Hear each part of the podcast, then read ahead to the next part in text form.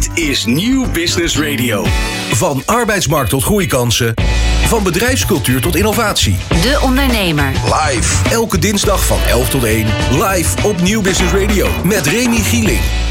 Hoe blijf je jezelf als ondernemer keer op keer opnieuw uitvinden? En hoe krijgen we meer vrouwen in de bedrijfstop? En is Nederland nog steeds een land van de fintech-startups? Of leggen we het af tegen Londen, Parijs, Frankfurt en Berlijn?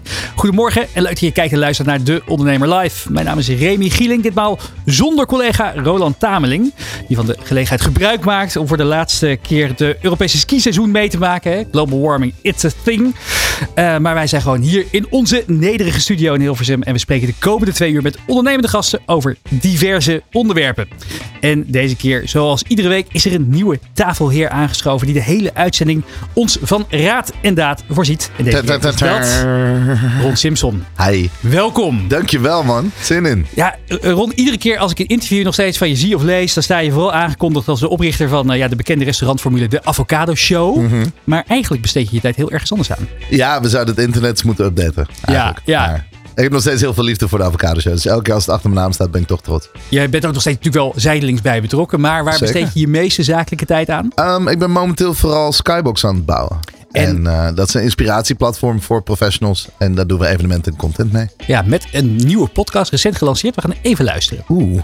Everybody wants to be inspired. Ik geloof daar gewoon echt serieus in. Van de koningin tot je buurvrouw tot uh, Rihanna als ze 's ochtends opstaat. Ja. Skybox is een idee van zoveel mogelijk uh, inspiratie en kennis en uiteindelijk ook netwerk en andere mensen doorgeven aan een andere persoon. Ik denk echt dat als we al die dingen aan de volgende generatie geven, dat ze alles bereiken wat wij bereikt hebben en meer in tien jaar minder. Ja, een goede elevator pitch. Moeten we daar nog iets aan toevoegen? Um, ja, nee, doen gewoon. En wat ik het allerleukste vind aan Skybox, denk ik, is heel raar misschien, maar um, we doen het dagelijks en gratis. En je kunt altijd een pro-versie nemen, maar het is gewoon echt bedoeld om de toekomst te inspireren. Daar, daar is het voor. Nou, hoe we dat gaan doen bespreken we de komende twee uur. Maar één ding, ik hoorde in de wandelgangen iets over een mogelijke documentaire. Oeh, oh wauw, je bent op de hoogte. Oké, okay. ja, daar gaan we het straks misschien wel of niet over hebben. Oké, okay. ja. nou, dat belooft heel veel goeds. We gaan snel van start. Elke dinsdag schuiven topondernemers aan voor de lunch. Bij De Ondernemer live. Met Remy Gieling aan het hoofd van de tafel krijg je alles mee. Van arbeidsmarkt tot groeikansen, van bedrijfscultuur tot innovatie. De Ondernemer live. Elke dinsdag van 11 tot 1 live op Nieuw Business Radio. Ron, we gaan de komende twee uur met elkaar doorbrengen. Mm. Uh, en we beginnen graag uh, iedere uitzending met zes prangende vragen, zodat de kijker en luisteraar je wat beter leert kennen. Oh shit, oké. Okay. Het grote probleem dat ik met Skybox probeer op te lossen is... Um, dat inspiratie en leren niet meer aansluit bij de generatie van nu. Dus de producten die we hebben is niet meer wat men nodig heeft. Het meest vervelende aan ondernemers zijn, vind ik... Um, geen vakantiedagen. ja, toch wel. Als ik in het torentje zat, zou ik dit morgen veranderen. Um, ja, ik ben heel erg een uh, soort van uh, gelijkheid, diversiteit. En, uh, en ja, ik ben niet zo voor die hokjes waar we in gestopt worden. En ik zou de belasting regelen, trouwens. Mijn favoriete horecaformule, naast mijn eigen imperium, is... Horecaformule ook echt? Oeh. Uh, Wauw, dat is zo'n intens goede vraag. Ik ben fan van de Japanner. De Japanner? Ja, in Amsterdam. Met deze ondernemer zou ik graag een week op een onbewoond eiland willen zitten. Oeh, daar heb ik wel een hele lange lijst van. Maar uh, ik denk als je het over eilanden en ondernemers gaat, kom je toch bij Richard Branson uit. Toch? Dat is een beetje het werk. Mijn missie is pas geslaagd. Wanneer? Um, ik voldoening haal uit de hoeveelheid dat ik bij heb kunnen dragen aan de maatschappij. Zo dadelijk praten we hierover verder met Ron Simpson. Maar eerst het laatste ondernemersnieuws. De Ondernemer. De Ondernemer live. Op Nieuw Business Radio. Dit is het ondernemersnieuws van dinsdag 7 februari met Robert van der Ham. Vacatures vervullen. Het blijft een probleem. Het wordt een steeds groter probleem. Volgens nieuwe cijfers van het UWV komen er in veel gevallen amper reacties van sollicitanten op een positie binnen. Werkgevers met moeilijk vervulbare vacatures passen inmiddels ook vaker de arbeidsvoorwaarden en functie-eisen aan. Dat kan bijvoorbeeld de werktijd zijn of het loon. Vooral in de horeca gebeurt dat inmiddels regelmatig. Wederom een tegenslag voor GoSharing. De kenmerkende groene deelscooters van het bedrijf zijn momenteel niet meer te gebruiken. Het bedrijf spreekt van onverwachte omstandigheden en probeert dit zo snel mogelijk te verhelpen. Volgens het AD zou er een probleem zijn met de verzekering van de voertuigen. Leasemaatschappij Greenmo, eigenaar van de scooters, ging onlangs failliet. Er zou worden gewerkt aan het overzetten van het leasecontract en een nieuwe overeenkomst met de verzekeraar. De Bijenkorf stopt met zijn Duits- en Franstalige webshops. Stijgende kosten wordt als reden opgegeven. E-commerce en retail-experts benoemen echter ook de toegenomen online concurrentie, die veelal dezelfde merken aanbieden en dat dan ook nog eens met stevige online kortingen. Buiten Nederland blijft de Bijenkorf nog wel actief in Vlaanderen. Een wetsvoorstel dat een andere berekening van het minimumloon beoogt, zorgt voor ongerustheid bij ondernemers. De lonen zouden er te snel door stijgen. Brancheorganisaties dienen vandaag een petitie in bij leden van de Eerste Kamer, die zich ook vandaag over dat wetsvoorstel gaan buigen. Waar het nou eigenlijk om gaat bij deze oproep is de nieuwe berekening van het minimumuurloon. Om die niet in te voeren op basis van een 36-urige, maar een 38-urige werkweek. En ver verlaag tegelijkertijd ook de werkgeverslasten. Volgens de brancheorganisaties is dat geld er. En dat zit namelijk in de pot met sociale premies die eind dit jaar 34 miljard euro bevat. Voor nog meer ondernemersnieuws kijk je op deondernemer.nl. Dit is De Ondernemer live op Nieuw Business Radio. 34 miljard, eh, Ron. Daar zouden we veel leuke dingen mee kunnen doen. Ja man, een soort stapbudget. Ja, stapbudget 2.0. Ja, ze, gaat weer, ze gaan weer open. Hè? Heb je het gezien? Eind deze maand komt het er weer aan. Kan je al bij Skybox stappen? Uh, nee, want er zijn allemaal hele rare voorwaarden aan betrokken. Dus omdat wij geen wandelcoach zijn of uh, Bitcoin-experts. Um, maar eigenlijk iets aanbieden waarvan we en het curriculum willen veranderen. En omdat we nieuw zijn, is er geen brancheorganisatie om ons te valideren. Zijn we ja, dan moet je gewoon uit eigen zak betalen. Dat is eigenlijk wat. Nou, je krijgt ook heel veel waarde ervoor terug. En uh, ik zag ook dat ze uh, uh, het, het, hebben voorkomen dat je nog snoepreisjes kan maken op het stapbudget. Vond ik persoonlijk ook ontzettend jammer. Um, dat is het voorkomen of dat het is gebeurd? Dat ze het gaan voorkomen. Het lijkt me, het lijkt me wel een mooie besteding van het, uh, van het ja. stapbudget uh, voor mijn persoonlijke ontwikkeling. Mm. Hey, uh, jij hebt een ontzettend gevarieerde carrière achter de rug. Hè? Ik zei het al aan het begin van de uitzending, maar voor Klopt. de mensen die nu intunen, onder meer de Advocatenshow, je meest recente concept Skybox, waarmee je leren voor young professionals weer, weer inspirerend wil maken. Mhm. Mm -hmm. Je bent radio-dj geweest. Je Zeker. hebt een artiestenmanagement gehad. En inderdaad begon als popcornbakker. Uh, ja, het begon als popcornbakker, ja. Als je al die stappen in je carrière een beetje afgaat, waar ja. uh, zijn er momenten geweest waar je zegt, nou, dat, dat was eigenlijk wel een hele leuke tijd? Heel eerlijk, ik heb echt altijd een leuke tijd gehad qua werk. Dat is een beetje de rode draad. Um, ik dacht altijd dat ik een hele rare cv had. Ik, ik begon als popcornbakker. Toen had ik een soort van uh, standaard sprintje die iedereen heeft. Weet je wel, even vakken vullen en dan even dit en even dat. En dan heel gauw in de horeca beland. Um, en eigenlijk ook heel snel gaan ondernemen. Dus ik was heel jong al aan het ondernemen. En, um, en dat sloeg helemaal nergens op. Ik, ik, had geen idee wat ik aan het doen was. Maar ik probeerde gewoon wat ik leuk vond. Uh, om daar betaald voor te krijgen. Ja. Dat, dat is gewoon de missie. De rest maakte nog niet zoveel uit. Dus ik had een bedrijf dat heette Hulk Slogan. Uh, en dat was een copywriting ding. En dan kon je mij bellen. En dan kwam ik op de fiets. En dan schreef ik ter plekke een persbericht voor je. Of een, copywriting een tagline of zo. Voor het chat GPT tijdperk. ja, veel ruim voor het chat voor het GPT. GPT Ja. tijdperk. Ik, uh, ja, laat me het zo zeggen. Ik heb het waarschijnlijk uh, geïnspireerd. Weet je wel, twintig jaar geleden. Ja. Zag iemand mij natuurlijk op de fiets. En dacht, ik ga AI ontwikkelen. Want dit is niks. Maar um, ja, dat was gewoon heel erg leuk. En ik sprong eigenlijk overal van, van hot naar her. En het maakte niet zozeer uit wat ik aan het doen was of waar ik werkte. Kwam ik dan later achter in hindsight. Werd ik altijd in de verhalenrol gezet. Dus altijd op communicatie of branding of marketing of ambassadeur of whatever. Presentatieachtige dingen. Overal waar ik werkte, of dat nou Bacardi was of met een Red Bull of met gewoon de Albert Heijn als vakvuller. Maakt niet uit. Ik was altijd degene die soort van vooraan werd gezet van doe jij het verhaaltje maar, zeg maar. Um, dus er zit wel een rode, rode lijn in. Want ik had altijd lol en ik was altijd aan het communiceren. Nou, je bent leergierig. We zeiden net ook al dat je, dat je podcast bent begonnen. Mhm. En wat daarvan opvalt is dat het ontzettend een, een, een, een gevarieerde mix is. Een wijnproeverij aan ideeën van allerlei mensen die hele verschillende dingen hebben gedaan. Eh, ik Ja. hoorde vanochtend iemand die was, eh, eh, heeft 17 jaar bij, bij Nike gewerkt. maar Janine, ook ja, Joep Ver- Joep Verbund van, Ja. van Mad Sleeps, die het prachtige beddenmerk heeft opgericht. We werken maar met zes mensen. En is ongelooflijk renderend. Ze werken met vijf mensen. Hij kijkt toe. Hij vanuit Bali is hij aan Nee hoor, hij, hij werkt keihard. Grappig. Maar het zijn dus hele verschillende types. Wat, hoop je, wat, wat wil je daar zelf uithalen? Ehm, het is een soort van reflectie van hoe mijn brein werkt, een beetje. Dus ik vond. Ik vind het allemaal prima hoor. Dat, dat alles gewoon afgekaderd is. Je krijgt één verhaal van één persoon en dat is oké. maar zo werk ik niet. Ik vlieg soort van door het internet heen en ik check links iets over duurzaamheid en rechts iets over ondernemen. En in het midden iets over creativiteit en dan weer iets van de toekomst. Ehm, en ik vind dat juist leuk. Dat geeft me energie, dat geeft me afwisseling, dat prikkelt mij enorm. En ik ben vaak het meest geïnspireerd door dingen die ik niet verwacht of zelf niet per se op zou zoeken of zo. Als daar dan een verrassend goed ding in zit, dan vind ik het ja, toch leerzaam. Ja, dus je bent ergens de, de ultieme generalist, maar je wil heel graag die kennis van die specialisten op, opsnuiven. Is, ja, dat is misschien wel de beste omschrijving. Het is, een soort van, het is inderdaad allround. Het is een beetje van alles, maar dan wel van de beste. Ja, Dat is een beetje de truc. en dat is met Skybox natuurlijk. De- heb je de ultieme manier voor jezelf gecreëerd om al die mensen, je- dus de stok achter de deur om al die mensen Letterlijk. naar je toe te krijgen. Nou, dat ook. En ik denk dat uiteindelijk ben ik nog nooit iemand op de wereld tegengekomen die zegt: Nee, ik heb echt geen zin om de volgende generatie te inspireren. Nee, ik ga echt geen kennis doorgeven. Nog nooit. Dat is gewoon iets wat in ons geprogrammeerd zit. Je wil dat. Hè? Verhalen bestaan al forever. We, schrijven, we schreven ze op muren, hieroglyphen, noem het maar op. Om het maar door te geven aan die volgende generaties. Dat is iets dat we willen. En nu hebben we gewoon zoveel techniek om het te kunnen doen.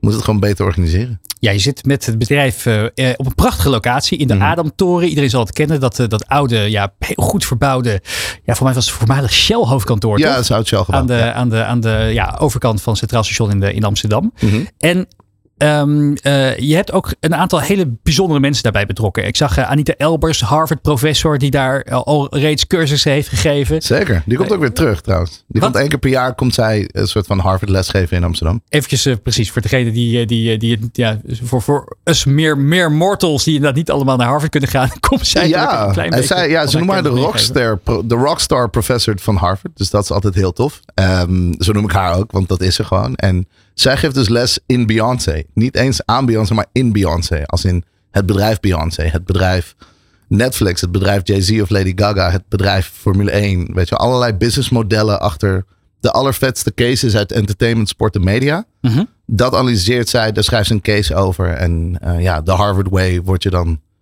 daardoorheen ge, ge- ja, begeleid totdat je het echt goed begrijpt. Ik wil daar zo meteen meer over weten, maar eerst even naar het concept. Wanneer is het, eh, waar was het zaadje geplant voor Skybox? Eigenlijk was het, ehm, het kwartje viel tijdens COVID. Maar daarvoor was het al een ding. Ik, ja, voordat je het door hebt, ben je altijd koffietjes aan het doen. Je bent altijd aan het adviseren. Soms ben je consultant, noem het maar op. En toen viel ineens het kwartje van: hé, hey, ik weet heel veel dingen. Niet alleen weet ik veel dingen uit mijn ehm, soort van verleden en ervaring, maar ik weet ook veel bronnen en zo. Ik weet waar je informatie Ja. haalt en wie je moet hebben en dat soort dingen. En ehm, ik werd altijd gebeld van: hey, kun je me connecten met die of kun je me vertellen over dat? Toen dacht ik, ja, dat kan ik wel, maar dat is één op één. Hoe maken we dit schaalbaar? Hoe maken we dit vooral toegankelijk voor iedereen? Ehm, en toen dacht ik, ja, we moeten gewoon een systeem bouwen waarbij mensen gewoon informatie delen, waarbij je ook geïnspireerd kan zijn, maar het moet wel heel leuk zijn. Ik kom ook uit de entertainment, echt uit nightlife. Dat is een beetje mijn, mijn hoek. En toen dacht ik, als je dus de nightlife regels pakt en je pakt entertainment regels en je stopt dat op leren en netwerken, dan heb je echt iets te pakken. En, eh, en daar heb je de juiste locatie voor nodig. Dus Ademtoren is perfect. Daarvoor was bij de Student Hotel, paste ook heel goed. Ehm, en toen kwam, ontstond er een soort van magie in plekken waar je wil zijn. Mensen hebben helemaal niet door dat ze eigenlijk komen leren of zo. Het is gewoon een beleving en ervaring, dat is allemaal vet. En aan het einde loop je naar buiten en denk je, hey, ik ben geprikkeld, ik wil meer weten, ik vind dit vet, ik weet nu wat ik moet doen, ik weet dat er iets bestaat.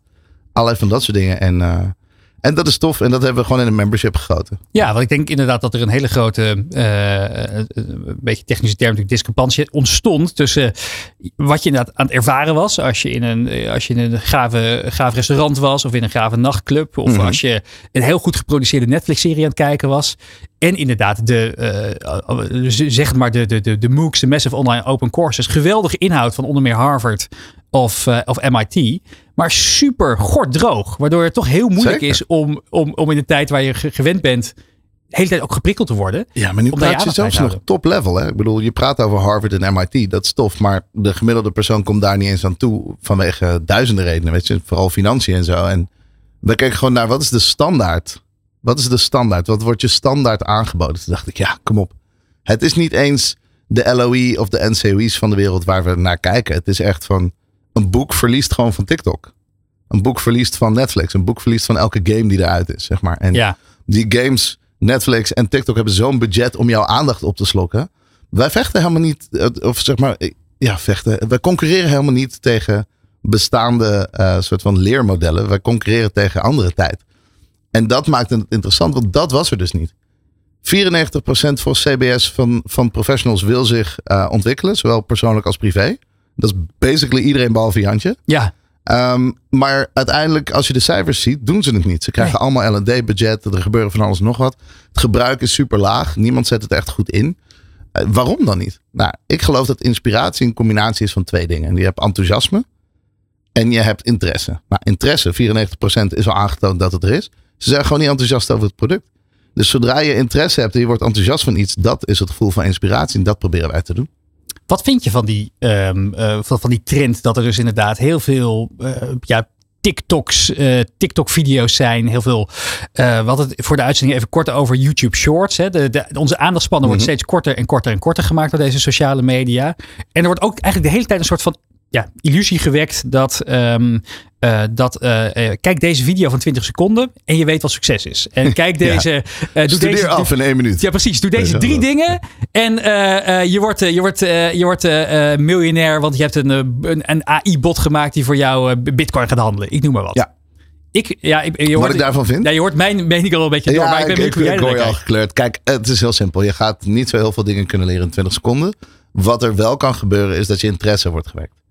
Dat je geprikkeld wordt. Dat je denkt, hey, wow, dit is, dit, weet je, dit is iets. Ik ga me hierin verdiepen. En ik denk dat dat een beetje het ding is. We krijgen gewoon duizenden signalen en berichten op ons afgevuurd per dag.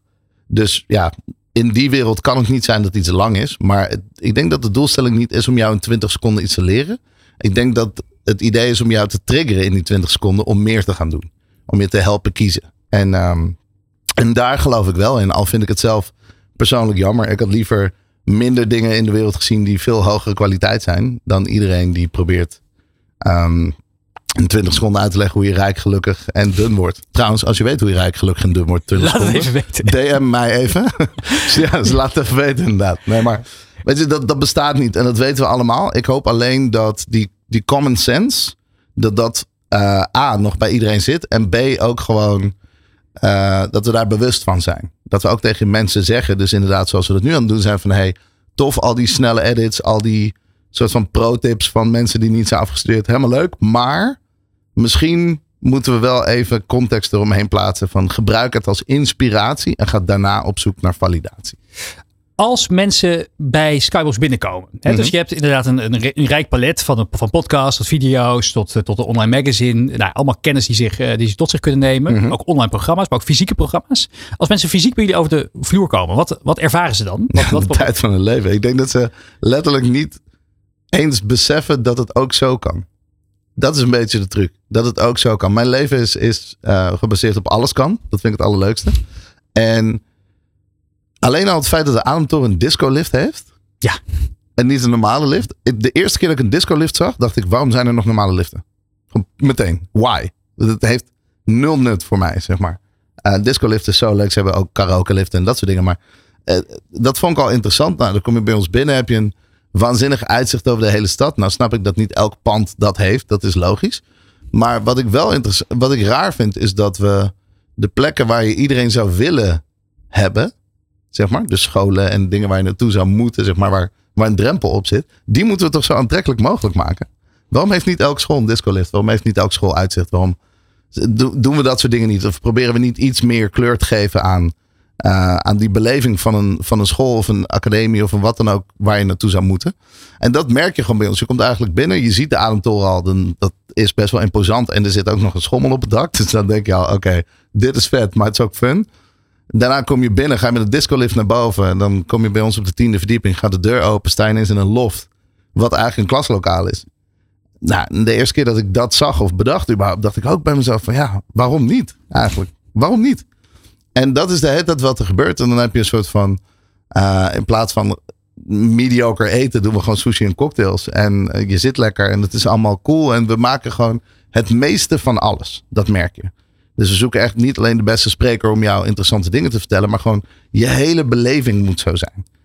Het moet fijn voelen. Het is een soort woonkamer waar alles goed is geregeld en je bent welkom. En aan het einde loop je naar buiten met uh, nieuwe vrienden, nieuwe connecties en heel veel nieuwe kennis. Dat is de truc. Wat voor mensen komen? Wat, wat, voor mensen uh, bereik je?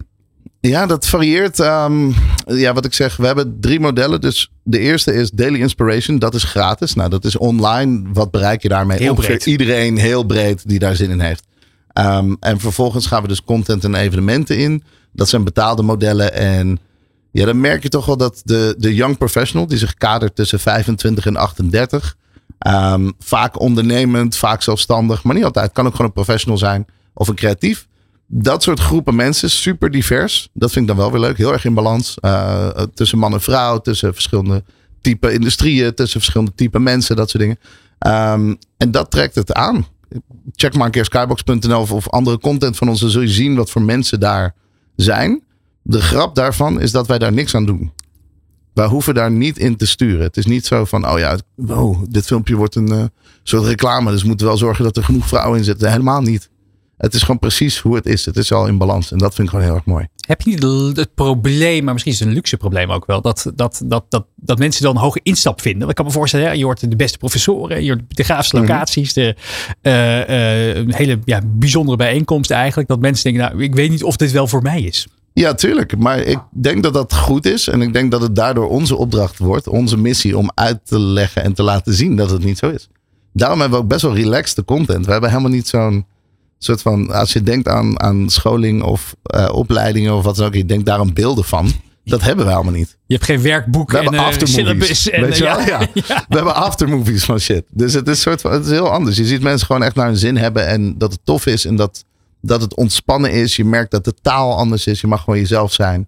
Um, dat is de spreker ook. Je merkt dat de onderwerpen heel erg tof zijn. Dus het is soort van, het is echt het nieuwe ding. Het, is, het, het heeft niks met het klassieke te maken. Zijn er nog dingen geweest van jou jarenlange ervaring bij onder meer de Avocado Show, waarvan je zegt: uh, Oh ja, dat, dat, dat, dat vond ik toen ingewikkeld en dat heb ik nu al proactief opgelost. Zeker. Ik denk überhaupt, één ding wat mij opviel is: wij hebben een merk en geen restaurant. En dat klinkt heel simpel, maar dat neemt onwijs veel beslissingen met zich mee. En ook voordelen. Dus uh, goed uh, voorbeeld is als je komt lunchen ergens of zo en je zit vol, dan kan ik jou niet meer eten serveren. En dan kan je ook niet meer drankjes verkopen als het dinsdagmiddag is. Daar houdt het restaurant op. Maar het merk kan dan zeggen: Oh, wil je daar misschien een kookboek bij? Of wil je een andere beleving? Of weet ik veel wat voor dingen. En uh, het communiceert over veel meer uh, positioneringsdingen. Wij zijn een, uh, een duurzaam bedrijf. We zijn bezig met allerlei dingen die we, die we belangrijk vinden. Zoals diversiteit, ook in personeel. Etc. Daar praten wij over. Omdat het een merk is en niet een restaurant. Een restaurant praat over eten. Um, dat merkte ik al vrij snel. Nou, vervolgens werd ik dan ook, wij eigenlijk als, als organisatie, heel vaak gevraagd van, hey, kun je het verhaal eens delen? Kun je mensen laten zien hoe je van een restaurant een merk maakt of wat voor keuzes jullie hebben gemaakt? En door eigenlijk dat verhaal heel vaak te delen, werden wij ook, um, nou niet gedwongen, maar eigenlijk gewoon uitgenodigd om te reflecteren. Om te kijken, ja, wat voor keuzes hebben we eigenlijk gemaakt? En waren die goed of niet? Zou ik dit aan een ander vertellen en leren? Of moet het slimmer of beter? Waardoor wij ten eerste beter werden, maar ten tweede dus ook heel goed dat verhaal konden vertellen. En um, je moet die stof beheersen om op een podium te kunnen staan en erover te kunnen praten. Nou, ik doe dat echt honderd keer per jaar. Dus dan, dan ja, heb je gewoon ervaring en oefening. En het wordt steeds beter. En je beheert die stof heel goed. Dus ik denk dat uiteindelijk in elk ander project daarna, maar ook intern bij de Avocado Show, was er zoveel aandacht voor het nadenken over dat merk, over dat concept. Om, ook juist omdat we het met andere mensen aan het delen waren. Um, en daar ook feedback op kregen en andere ideeën van kregen. En iemand zei, waarom doe je dit niet of waarom doe je dat niet? Misschien was dat niet het juiste idee, maar dan heb je wel geleerd dat dat niet het juiste idee was. Je, je neemt wel een denkpad daar naartoe van, oh ja, dat had gekund, maar dat gaan we niet doen. En wat heb je daarvan meegenomen toen je, toen je Skybox bent begonnen? Ja, alles. Ik denk dat we um, een van de eerste dingen die opviel bij Avocado Show waren twee dingen die we zeker hebben meegenomen. De eerste was, um, we hebben onbewust een merk gemaakt. We wisten niet. Dat is gewoon hoe wij werken. Geen idee. Dus ik had een merk gemaakt in plaats van restaurant. Was niet bedoeld. En toen dacht ik van oké, stel dat je wat dan ook maakt. Een inspiratieplatform, een school, een business academy, wat dan ook. Gaan we allemaal niet doen. We gaan een merk bouwen. Dat was één. En twee was de, de power of imperfection. Ehm, iets wat we bij Avocado Show echt hebben geleerd is dat je mensen die, die, die zoeken een verhaal en geen product. Als het gaat om dingen doorvertellen. En mensen zoeken herkenbaarheid en, en authenticiteit. En dat krijg je niet met perfectie. Als jij je voordoet alsof het perfect is en je maakt een soort Hollywood reclame van alles. Dan zien ze het wel, maar dan gaan ze het niet delen, want dat is een product. Maar als ze horen, oh, een paar jongens uit Amsterdam proberen een restaurant te openen met avocado's. Dat is al een verhaal. Minder perfect, echter beeld. Gewoon met een, met een telefoon geschoten, niet zo moeilijk. Op social media. Eigenlijk die hele trend wat je op TikTok ziet, dat dingen echter en, en simpeler moeten zijn. Dat hadden wij toen al. En dat nemen we nu ook een beetje mee in Skybox. Aan de ene kant moet het mooi, perfect en, en aantrekkelijk zijn, high-end. Maar aan de andere kant zijn het gewoon een stel mensen die leuke dingen doen. En dat, dat proberen we niet te vergeten. En dus ook te laten zien. Waar moet het heen uiteindelijk? Wat is, wat, wat, wat is je ambitie? Nou, ik denk dat we een paar duizend man uh, per wereldstad in een soort club kunnen gooien. Die, die zichzelf inspireren en onderwijzen en verbinden met elkaar. Uh, op een hele toffe locatie. En daaromheen creëren we content voor het hele land. En dan die paar duizend mensen die horen dan bij elkaar en, en gaan gewoon de toekomst veranderen. En ik denk dat het in Amsterdam kan, maar ik denk dat het in Berlijn kan. En ik denk dat het in Rome kan. En ik denk dat het in Madrid kan. Um, dus wij willen een soort blueprint maken van hoe gaan we om met die jonge generatie? Hoe gaan we ze inspireren de juiste uh, content geven? Gratis. Dus daar ben ik een model voor aan het ontwikkelen dat dat werkt. En tegelijkertijd, hoe gaan we daar de, de pioniers, de ambitieuze mensen, echt de, de, de game changers bij elkaar brengen om vervolgens echt, echt de stappen te nemen. En dat schaalbaar te maken. Nou, hoe we daar gaan komen, dat bespreken we verderop in de uitzending. Maar eerst gaan we naar diversiteit. De Ondernemer. Live op Nieuw Business Radio. Ja, misschien heb je het gemist, maar eind vorige maand presenteerde de Sociaal-Economische Raad het diversiteitsportaal met als doel om meer vrouwen op belangrijke posities in het bedrijfsleven te krijgen. Ja, wat is daarvoor nodig? We praten erover met Jenna Simons. Ze hangt aan de lijn. Jenna, goedemorgen. Hey, goedemorgen. Goedemorgen. Ja, we gaan het hebben over, uh, over diversiteit in de bedrijfstop. Dat doen we hier uh, vanuit de studio in Hilversum met onder meer Ron Simpson van de Avocado Show. Goedemorgen. Jij hebt, uh, jij hebt zelf ja, als head of marketing van, uh, van, uh, van OneFit ben je verantwoordelijk voor het aansturen van een heel marketingteam. Maar je hebt al een hele rijke carrière achter de rug. Onder meer bij ABN AMRO, bij Dyson, Beerwolf zie ik staan. Ja, waar is jouw carrière begonnen? We hoorden eerder al dat Ron begon met het verkopen van popcorn. Oké, okay, dan gaan we echt heel ver terug. Ja? Maar uh, ik ben eigenlijk begonnen bij een heel klein uh, bureautje tijdens mijn studententijd. En uh, toen gingen we eigenlijk Google AdWords uh, advertenties maken. En dat was voor mij wel echt een soort van eye-opener. Van wauw, er zit veel meer achter zeg maar, het internet dan je in eerste instantie denkt.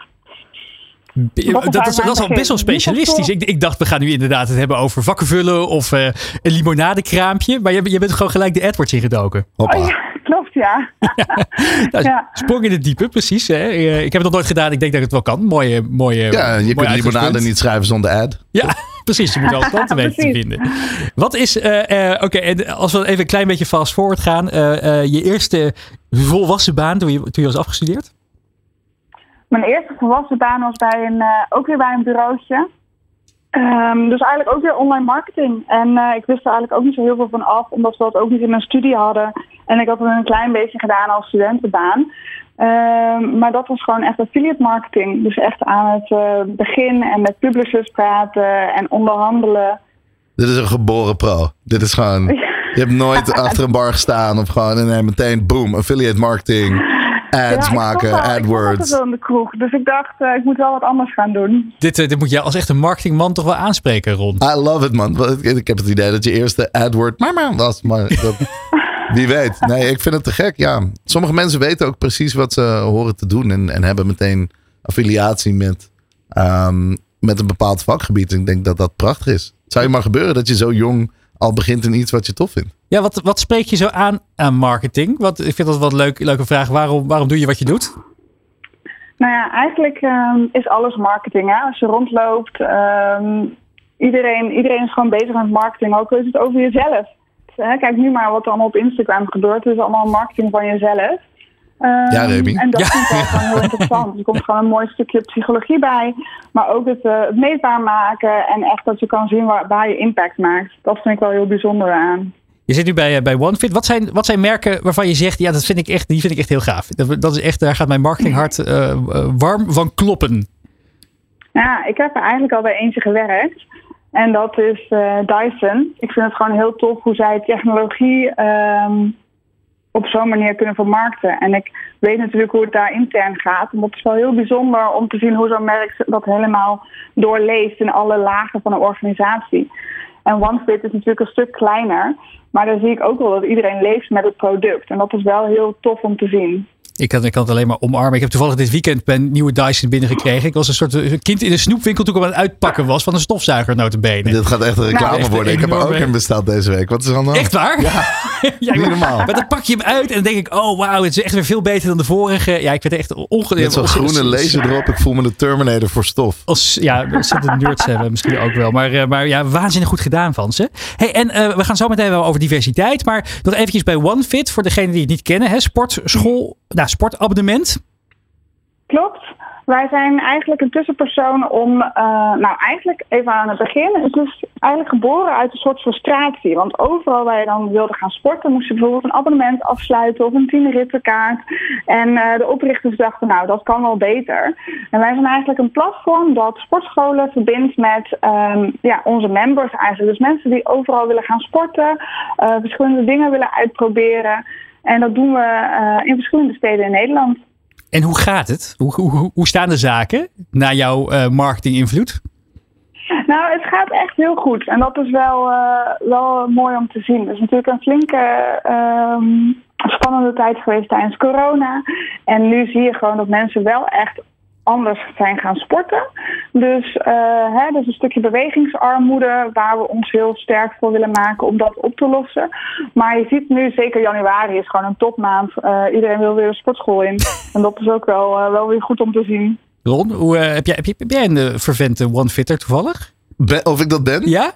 Er is beeld bij, tijdens deze podcast, toch? Nee. Nee? Eh, nee, ik, heb, ik, ik ben eh, de posterchild van bewegingsarmoe. Oké. Dat is een beetje hoe dat gaat. Ehm, maar daar komt verandering in. Kan ook een, eh, kan ook een manier van, eh, van eh, marketing zijn, toch? De, de anti-reclame. De anti-reclame, ja, dat gaat heel goed. Dat gaat echt heel goed. Nee, maar ik vind eh, bewegen tof. Ik vind ook alle...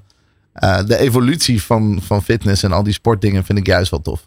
Ik, ik zat er al op te wachten, zeg maar. Het hoeft voor mij niet super techy, maar ik vind de niche verdiepingen en al die monoconcepten binnen sport vind ik echt te gek. En dus ook dit soort dingen, dat je dan overal naar binnen kunt lopen eh, en je wereld verbreedt. Dat is voor mij ook inspiratie. Dus ik ben blij dat ze het doen. Voordat we die- diversiteitsonderwerp aansnijden, dan nog één, eh, één, één, ja, jouw inzicht hierover, Jenna. Van wat zijn de belangrijkste marketingtrends als het gaat inderdaad over, over fitness? Ik, zie, ik herken inderdaad ook dat er heel veel nieuwe fitnessconcepten zijn ontstaan. Van Rose Cycle, waar ook heel veel social media dingetjes over Booty, booty, booty, booty, booty club. Ja, Ja, nou ja, die eh, booty workouts die zijn wel echt super populair inderdaad. Eh, verder zien we gewoon wat meer high-end eh, gyms. Dus echt wat luxere concepten die ehm, ook overwaaien uit, eh, uit andere landen naar ons toe. Dat is wel echt ehm, de grootste trend eigenlijk die we zien. Ja, en heel veel soort van mini private gyms, toch? Dat vind ik ook echt heel tof. Ja, precies. Ja, dat noemen we eigenlijk die boutique gyms inderdaad. Ja. nou ja, precies. Dus de, de, de, de grote, ja, de, de, de, de, de snackbar onder de sportscholen is een beetje, een beetje uit de gratie geraakt. We willen liever kleiner en persoonlijker. Is dat dan de, de conclusie? Ja, klopt. En als je denkt aan fitness, dan denk je misschien aan zo'n heel vies zaaltje met al die apparatuur en eh, niemand verder te bekennen. Maar dat is, dat is gewoon echt niet meer zo. Hey, diversiteit. Eh, ja, je hebt zelf inderdaad een hele mooie carrière, rijke carrière achter de rug bij, eh, ik noemde het eerder al, onder meer ABN AMRO, Dyson, wij zijn fan, Beerwolf en anderen. Ehm, ja, de, de, de CER, de Sociaal-Economische Raad, heeft dus vorige maand het diversiteitsportaal gepresenteerd. Wat moet 5000 bedrijven helpen met meer vrouwen op belangrijke posities te krijgen. Ehm, is het nog steeds noodzakelijk anno 2023, vind jij? Ik denk absoluut van wel. Ik denk dat het ook hartstikke goed is dat er nu een ehm, meer bewustzijn is voor, eh, voor vrouwen aan de top. Mhm. Absoluut. En ehm, ik denk dat, dat dit initiatief van het diversiteitsportaal alleen maar heel goed is. Ehm, ik ben een beetje huiverig voor dingen waarin er wordt gezegd... we moeten alleen maar een x-percentage vrouwen aan de top hebben, punt. En dit gaat veel verder. Hè? Er worden plannen gemaakt, dus dat betekent dat er over na wordt gedacht. En ik hoop gewoon dat, uh, om dit tot een succes te maken... dat dat dan ook echt in alle lagen van het bedrijf gewoon wordt doorgevoerd. Niet dat het alleen maar een HR-feestje is of van de top... maar dat het ook gewoon dat iedereen hieraan meewerkt ik moet wel zeggen dat ik persoonlijk het woord diversiteitsportaal een beetje bleu vind, Ron. Ja, hou op man. maar daar hebben we Mark Deers voor, toch? bij. Ja, precies. Hadden, uh, ja, dan hadden je niet even wat, wat spannenders van kunnen maken met z'n allen. Ja, dat vind ik wel een goeie, maar hoe zouden we hem dan noemen? Ron? Een diversiteitsportaal, Portaal? hoe we dat zouden noemen? Ja, de... Een depot. Toch? Depot. Een depot. Ja. Hashtag depot. Ja, gewoon, uh, weet ik veel, een party in plaats van een party. Gewoon party for everyone. Een party for everyone, precies. Komt toch weer inderdaad jouw uh, je ervaring bij uh, Hulks slogan, Hulk je vorige bedrijf, komt, weer, uh, komt weer naar boven. wat, ja, nou, wat moet er gebeuren, denk jij, om inderdaad meer vrouwen op belangrijke posities te krijgen? Ja, eigenlijk um, wat ik net zei, hè, van dat het echt in alle lagen dus um, werkt. Want ik denk dat het allerbelangrijkste is dat je weet als bedrijf van waar, waar zitten die pijnpunten. Dus waarom zijn er bij ons geen vrouwen aan de top? Of waarom is het zo moeilijk voor vrouwen om door te groeien? En dat is natuurlijk best wel een pittig iets om uh, te gaan onderzoeken en dan te weten van oké, dit zijn gewoon dingen waar we slecht op scoren. En dan bepalen hoe kunnen we dit gaan verbeteren. Gaat het om verschil in salaris? Zijn het processen die aangepakt moeten worden? Zijn er mensen die het tegenhouden. Of zelfs ongeschreven regels, hè, want die zijn er ook in elk bedrijf. Um, ik denk als dat zichtbaar is, dan kan je echt goede plannen gaan uh, bedenken en oplossingen. Ron, ik weet dat er bij Skybox ook uh, een voldoende uh, talentvolle dames aan het werk zijn. Meer vrouwen dan mannen. Meer vrouwen dan mannen. Hoe, uh, hoe uh, is dat, heb je daar een bepaald bewust beleid op gevoerd? is dat organisch gegaan? Wat, is, wat zijn jouw ideeën um, daarbij? Wat kunnen anderen daarvan leren? Nou ja, wat kan iemand anders van leren? Voor mij, diversiteit uh, is nooit een nieuw echt ding geweest in mijn wereld. Omdat ik het heel normaal vind. Maar ik begrijp dat we, uh, dat we daar nog heel veel werk te doen hebben. En eigenlijk in elk bedrijf dat ik ooit heb gehad, was de diversiteit goed. Bij de Avocado Show merkten we eigenlijk dat het nog wat breder ging zelfs. Omdat we heel veel mensen konden aannemen. Omdat je heel veel bedienend personeel ook, et cetera, hebt. En daar kon iedereen lekker zichzelf zijn. Of andere talen spreken. Of tattoos hebben. Of whatever. Dat is ook een vorm van diversiteit. Wat ik heel interessant vond. En bij ons. Um, bij, bij Skybox ontstond er iets heel geks. Omdat ik zeker wilde weten dat het niet alleen mijn visie was. Um, wij proberen iedereen te inspireren over alles. En een soort algemene kennis door te geven. Dus dat moet dan ook andere perspectieven hebben. Andere leeftijden, uh, andere geslachten, maar ook andere types, andere karakters, whatever. Dus daar ben, ben ik heel erg naar op zoek gegaan. En waar ik achter kwam is dat ik vind uh, het ook een beetje onzin als we gewoon quota doen. Van nou, er moet zoveel procent moet dan vrouw zijn. Maar tegelijkertijd erken ik de behoefte dat er voorbeelden nodig zijn. En ik hoor precies wat ze zegt. Ik denk dat het namelijk begint bij talentontwikkeling en opvoeding en herkenning. En eigenlijk helemaal daar. Want als we dat traject goed doen, dan komen er ineens onwijs veel goed ontwikkelde uh, vrouwen in de markt met dezelfde opleidingen, dezelfde kansen, dezelfde stages of dezelfde whatever als al die mannen altijd al hebben gehad. En dan is het veel logischer om het talent te kunnen vinden om de juiste positie te vullen. Nu is het uh, soms een beetje zoeken. Um, dus ik denk dat we vanaf het begin alle deuren open moeten zetten en niet alleen maar op het einde. Maar we beginnen bij het eind en reverse engineeren, want we hebben die voorbeelden nodig. Ja, nou, ik was uh, uh, onlangs met een groep van 70 Nederlandse ondernemers op de techbeurs CES in Las Vegas. En wat mij opviel, dat daar een ongelooflijk mooie diversiteit aan zowel mannen, maar ook heel veel vrouwen waren die met hun innovaties daar, daar naartoe waren gekomen. Dus ik heb het idee dat er aan de ene kant heel veel progressie gemaakt wordt. Tegelijkertijd zie je ook weer dat bij nou, het gemiddelde IT-bedrijf in de provincie, ik zeg maar eventjes heel, mm -hmm. heel, heel, heel, plat geslagen, dat het inderdaad nog steeds voornamelijk de, de, de, de, de, de witte man van middelbare leeftijd is die daar de die daar de, de, de beslissingen nemen. Uh, hoe, hoe gaan we die, die, die, die brug slaan tussen enerzijds de koplopers en anderzijds die bedrijven die achterblijven? Ja, ik vind het ook wel een hele interessante vraag wat je stelt. Want waarom is het in de provincies bijvoorbeeld alleen maar um, witte mannen? is dat, ja, wat is dat? Is dat, hè? is vrij Omdat logisch, vrouwen niet ehm, de plek hebben?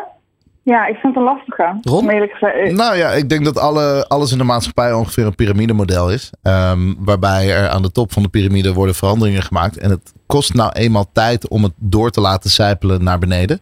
Ehm, en ik denk dat buiten de steden of buiten de soort van snel veranderende milieus, ehm, dat het gewoon iets langer duurt. En wat ik zei, het is niet omdat je, je kunt een snel een beslissing maken van, oh, ik wil eigenlijk wel een vrouw aan de top. Maar daarna moet er ook nog iemand zijn die, dat, die die rol kan vervullen. En dat is alleen te doen als die persoon ook de kans heeft gehad om zich te ontwikkelen en alles heeft kunnen doen eh, van tevoren. Dus ik denk dat we daar een beetje een tekort aan hebben, vooral buiten de stad. In de stad kun je nog heel veel talent vinden die ook de juiste ervaring heeft gehad of zich door zo'n situatie heen heeft gevochten. En bui- daarbuiten moeten we gewoon meer aandacht besteden aan eerder dat traject ingaan en iedereen gelijke kans geven en iedereen talentontwikkeling geven, zodat het veel makkelijker wordt om eh, gelijktijdig te strijden.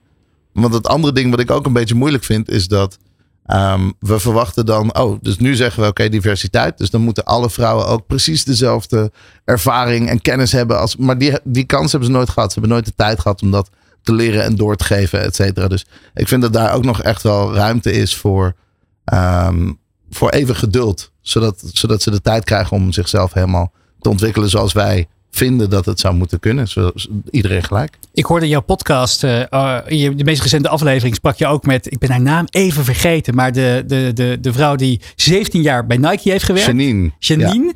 En die, eh, die vertelde onder meer hoe zij daar terecht is gekomen. Dat ze eerst inderdaad iedereen in haar netwerk heeft opgebeld om te kijken die ze daar kende. Van kan je mij eh, misschien introduceren? Nou, dat werkte niet. Mhm. Heeft ze meerdere keren gesolliciteerd.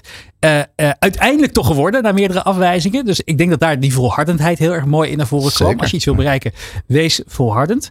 Eh Jenna, als, als jij met het, je terugblik op jouw carrière misschien iets kan zeggen voor, eh, voor, voor ja, ehm, eh, vrouwen die met ja, toch ook veel, veel ja, graag stappen willen maken bij, bij grote mooie bedrijven zoals als bij Dyson.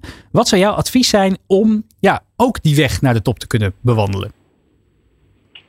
Mooie, mooie vraag. Ik denk allereerst is, en dit is gewoon een ehm, advies wat ik heb voor het hele leven, is omringen met mensen waar je een goede energie van krijgt en waar je veel van kan leren. Eh, want uiteindelijk moeten we elkaar helpen om eh, verder te komen. Dus dat denk ik dat een hele belangrijke is. En ik denk dat vrouwen samen ook heel krachtig kunnen zijn. Dus ook die groepjes van vrouwen opzoeken. En ik denk dat daar ook een hele grote kans voor ons ligt, omdat we dat van ver ver in de geschiedenis zo zijn vergeten hoe krachtig het samenbrengen van vrouwen is. Hmm. Denk maar aan, ehm, aan de heksenjacht vroeger. Men was toen zo bang om vrouwen samen te zien. En dat zijn we een beetje vergeten. En ik vind dat als we elkaar weer opzoeken en elkaar verder helpen, dan kunnen we elkaar dragen om dat glazen plafond eh, door te breken. Maar dat is zeker ook niet alleen maar vrouwen samen, maar ook mannen. Want we doen het uiteindelijk allemaal met elkaar. Nou, het was een gevarieerd item van eh, stofzuigers tot aan de heksenjacht. Jenna, ik wil je hartelijk danken voor je tijd. Wil je nou ook gezond het nieuwe jaar in? Neem een kijkje op eh, OneFit. En wil je meer weten over het diversiteitsportaal? Hoe had het ook weer genoemd, Ron? Uh, De party Depot. for everyone. Precies. Neem wel een kijkje op de ser.nl. Dit is De Ondernemer live op Nieuw Business Radio. Ja, van start-up tot bestuurders. Ruim 100 gesprekken voor de Jeroen Broekema met financiële top van Nederland. En de inzichten zijn te beluisteren in de podcastserie Leaders in Finance. Maar werden onlangs ook gebundeld in het boek De Mens Achter het Succes. Jeroen, welkom. Ja, dankjewel Remy. We gaan even kijken hoe jij zelf de podcastserie introduceert. Leaders in Finance is dé podcast voor de financiële dienstverlening. In deze podcast willen we zoveel mogelijk leren over onze gasten. Allemaal ambitieuze mensen uit de financiële dienstverlening. Wat is hun drive? Waarom doen ze het allemaal? Hoe doen ze het? Wat is de invloed van technologie? Welke trends spelen er in de sector? Maar ook, hoe combineren ze werk en privé? Kortom, ik wil de mens achter de leader in finance leren kennen. Ja, dat is een mooie introductie. En ik heb hier het boek ook eh, voor me. Dat je aan de hand van die gesprekken die je hebt gevoerd voor de podcast hebt uitgebracht. Er is een prachtige spaarkaart in. Waarbij je alle gesprekken kan aanvinken. En als ik op het boek kijk, dan zie ik ook inderdaad hè, de gesprek met Ali Niknam. Die kennen we van Bunk. Maar ook bij Klaas Knot. eh, eh, Nadine Knappen van, van, van, van Knap. Nadine Klok. Klok van Ja, Knap, Klok. precies. Ik was even in de war. Wat ehm, tegelijkertijd heb ik persoonlijk ook altijd, als ik denk bij het onderwerp finance dan, pff, oh ingewikkeld, zware, zware kost. Niet helemaal voor mij, voor mij weggelegd. Waar komt jouw Bel de fascinatie? expert. Precies, bel de expert, bel de, bel de accountant. Waar komt jouw ervaring, waar, waar komt jouw fascinatie voor die finance hoek vandaan? En, en heb je het ook een beetje spannend kunnen maken? Nou ja, dat is de grote vraag. Of ik het spannend heb kunnen maken waar die fascinatie vandaan komt. Ik heb zeven jaar bij ABN AMRO gewerkt. Daarna vijf jaar voor een financieel technologiebedrijf. En toen voor mezelf begonnen als ondernemer met Leaders in Finance. En begonnen met deze podcast. Ondertussen zijn het er 123. Hè, dus ik, ga gewoon door. Ik ga gewoon steady door tot misschien wel de duizend. Wie zal het zeggen? Eh, fascinatie. Kijk, uiteindelijk wat erachter zit is denk ik toch geld hoe simpel dat woord ook misschien is, maar geld dat boeit me wel. Niet zozeer om het te hebben, overigens kunnen we het ook over hebben, maar met name wat doet geld in de samenleving en hoe stuurt het eigenlijk bijna alles. Ik denk dat dat wel de fascinatie is. Je bent eh, begonnen met die podcast en je hebt inderdaad ongeveer iedereen in de finan- financiële top van Nederland weten te spreken. Van eh, fintech-ondernemer tot bankbestuurder en alles wat daartussenin te vinden is. Wat zijn een beetje de overkoepelende thema's die je hebt ontdekt in gaandeweg die jaren dat je die gesprek hebt gevoerd? Ja, ja het zijn wat ik zei ondertussen 123 en ik picture ze wel eens voor me zo alsof ik 123 mensen voor me heb staan. En je moet natuurlijk oppassen met generaliseren, want het zijn allemaal hele verschillende mensen. Maar ik doe natuurlijk altijd hetzelfde als wat jij net aan mij vraagt, van wat zijn nou die rode draden mogelijkerwijs. Een van de dingen die mij keer op keer opvalt is het kei en keihard werken. Ja, het zijn allemaal slimme mensen. Ja, goed, daar kunnen we niet zo heel veel aan doen. Hè? Dat heb je meegekregen. Uh, maar daarna, wat je wel enigszins in de hand hebt natuurlijk, is hoe hard wil je er echt voor gaan? En die 10.000 euro regel, daar is heel veel discussie over of die nou bestaat. In ieder geval in mijn beleving, als het gaat om al die verhalen die ik hoor van al die CEO's en hoogleraren en ondernemers, je noemde net een aantal, is het toch wel snoeihard werken. En met name aan het begin van die carrière. Daar later ook wel hoor, er wordt nog steeds hard gewerkt. Uh, don't get me wrong. Maar aan het begin wordt er echt keihard gewerkt. Er is natuurlijk wel een grote cultuuromslag geweest. Ik kan me nog goed het boek uh, De Prooi herinneren. Die de, dagen, de begindagen van ABN AMRO uh, omschreef. Ik weet niet of jij er toen al, al zat in die periode. Maar uh, tot aan inderdaad die, die, ja, die, die keihard werkende Zuidas mentaliteit. Tot, nou ja, ik denk nu toch een wat meer de, ja, de, de, de, de, de, de, start-ups. Die ook inderdaad de moderne werk hebben omarmd. Veel bezig zijn met diversiteit, met technologie. Wat zie je daarin? En waar denk je dat dat, dat naartoe gaat? Als ja, je kijk, dat doortrekt. Kijk, sowieso wat je ziet is toch echt wel ook wel een generatiepunt hier. Want de wat ouderen, die denken toch echt wel anders nog steeds. Een deel daarvan. Het is allemaal generaliseren, een deel ook zeker niet. Maar die denken toch nog wat ouderwetse. Werk en privé gescheiden houden. Terwijl de wat jongeren dat al lang niet meer zo bekijken. Die zijn al veel meer, is het blended hoe ze aan het werk zijn. Um, en voor de rest, ja kijk, uiteindelijk wat ze wel gemeen hebben... is dat ze bereid zijn om steeds meer weer te veranderen. Allemaal. Ze zijn steeds weer niet bang om te veranderen. En dat is denk ik ook voor ondernemers. Het geldt voor mij als ondernemer ook. Maar je moet constant willen veranderen en daar niet bang voor zijn. Ron, wat, is, wat, wat voor ideeën krijg jij hierbij? Ik, de, ben jij een liefhebber van het onderwerp finance? Um, sinds kort. Ja, ik vond finance echt compleet irrelevant. Ongeveer de helft van mijn leven. Want ik wilde gewoon leuke dingen doen. Alleen. Je hebt ik, zelfs ooit een keer op één avond al je geld uh, opgemaakt. Klopt, ja. Expres. Expres, oh, ja. ja. Om uh, precies zijn 21 december 2012. Ja, en de, de dag dat dag de Maya's... de wereld zou. Ja. ja. Alles moet op.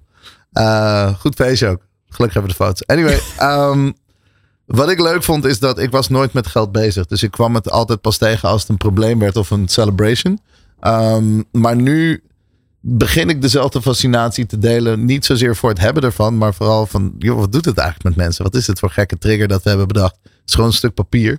Um, maar dat geeft wel heel veel power en mogelijkheden en vrijheid en, en ook alle negatieve kanten ervan. Dus er zijn heel veel dingen die je daarmee kunt doen.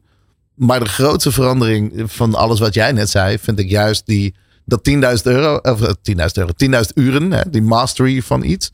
Um, volgens mij geldt dat voor de persoon. Dat is best, best wel een grote verandering. Voor, voorheen moest je een soort van 10.000 uh, uren in iets stoppen. En nu moet je volgens mij 10.000 uren in jezelf stoppen. Want work hard is echt wel onderweg naar work smart. Maar je moet, om op die gedachtenniveaus te komen, aan jezelf werken. Dingen meemaken, ervaren en doen. Um, en dat is heel gek. Al die tech en al die AI dingen en zo maken dingen wel makkelijker voor ons. Maar daardoor sla je wel gesprekken met jezelf over. Um, bepaalde gedachtegoed, opschalen van je ideeën, opschalen van je intelligentie. En ik denk dat daar de truc in gaat zitten. Dus hard werken gaat echt in extrovert worden. Nou, dat is wel mooi wat je zegt. Het is ook een mooi eh, bruggetje naar al die mensen die ik heb mogen spreken. Want uiteindelijk bij mij gaat het primair om leiderschap. Hè? Het gaat, kijk, een deel van het gesprek gaat, gaat over finance, gaat over geld. Maar het allergrootste gedeelte van elk gesprek weer gaat over die mensen zelf. De mens achter het succes. En niet voor niets de subtitel van het boek. En ik ben het heel met jou eens. Waar, waar je het verschil gaat maken als mens is natuurlijk in je persoonlijke ontwikkeling. In jouw leiderschap. En daar heb ik het dan ook heel veel over. Overigens de link weer naar het geld. Ik stel ze bijna altijd dezelfde vraag. Namelijk, wat is geld voor jou? En dan krijg je heel interessante antwoorden. En uiteindelijk de meest voorkomende antwoord, wat hè, iedereen zijn eigen woorden, maar wat vaak gegeven wordt, is: ja, het is vooral een bepaalde mate van vrijheid. Een bepaalde mate van rust. Dat je weet, ik heb dat achter de hand. Ik kan ook weg. Ik kan ook iets anders gaan doen. Dat is heel interessant. Niet per se voor de accumulatie van steeds meer geld. Dat en een enkele ondernemer heeft het soms wel, maar. Dat, dat gevoel van iedereen die ik spreek, die, die eh, met veel geld te maken heeft, dat dat steeds minder wordt. Dat hele kopen en hebben. En Ja, mensen hebben gewoon door dat er een grens zit aan. Je hebt een bepaalde hoeveelheid geld. En daarna, ja, wat is de, de additionele euro nog waard daarna? Ik bedoel, je hebt wel mensen die echt geobsedeerd zijn door heel veel geld verdienen. Mhm.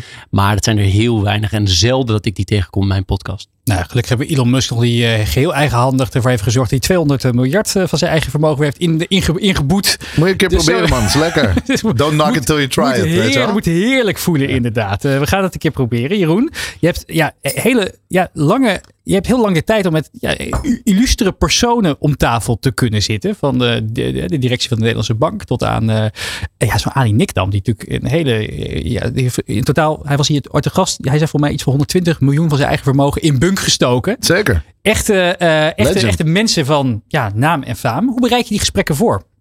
Kijk, in het begin, hè, laat ik dat even ook nog stellen. In het begin was het heel lastig om ze te krijgen. En nu komen ze allemaal. Ik moet nu ook afwijzen, omdat er gewoon heel veel mogelijkheden zijn. Er zijn altijd nog mensen die ik heel graag wil spreken, zoals de koningin. Bijvoorbeeld ook wel een leader in finance, denk ik, heel veel microfinance. Maar hoe bereid ik het voor? Het allerbelangrijkste is, ik wil gewoon wel weten, de basis weten van deze mensen. Wat is hun cv? Dus ik, we maken altijd een mapje met alles wat we kunnen vinden op het internet. Van sommige mensen is ontzettend veel te vinden. Van andere hele bekende mensen is eigenlijk heel weinig te vinden over hen persoonlijk. Wat eigenlijk het veel leuker maakt nog. Wat veel interessanter is. Maar zo'n Onno Ruding of Nout Welling, daar is eigenlijk helemaal niet zo heel veel over de persoon te vinden. Je weet niet wat ze in de vrije tijd doen. Nee, ja, je, je pikt wel eens iets op uit een artikel en daar kun je dan mooi op doorvragen. Maar dus het allerbelangrijkste voorbereiding is de, de basis op orde hebben. En daarna laat ik me toch ook wel verrassen.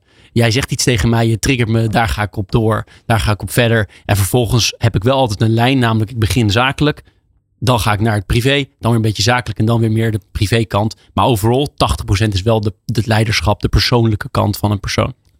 Mag ik een vraag stellen? Tuurlijk, is dat wat ik hier mag doen? Ja, fijn. Hey, ehm, ik zie een bepaalde trend die ik dus heel leuk vind. En ik hoor wat jij zegt. Dus je hebt het over leiderschap. Je, je interviewt mensen over, ehm, los van hun financiële kant, ook een beetje de persoonlijke kant.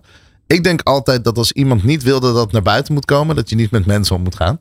Want mensen zijn de nummer één lek van alles, toch? Maar dat maakt het ook wel leuk. Dus leiderschap suggereert ook dat er mensen zijn. Dat je met een groep bezig bent, of in ieder geval iemand anders. En de laatste tijd zie ik dus een trend door alle tech. Dat ook mensen die echt extreem rijk worden. Dat letterlijk in hun eentje kunnen met een laptop. Dat is een ander spel. Duik je daar ook in? Is dat iets wat jij ook ziet? Of is dat mijn bubbeltje?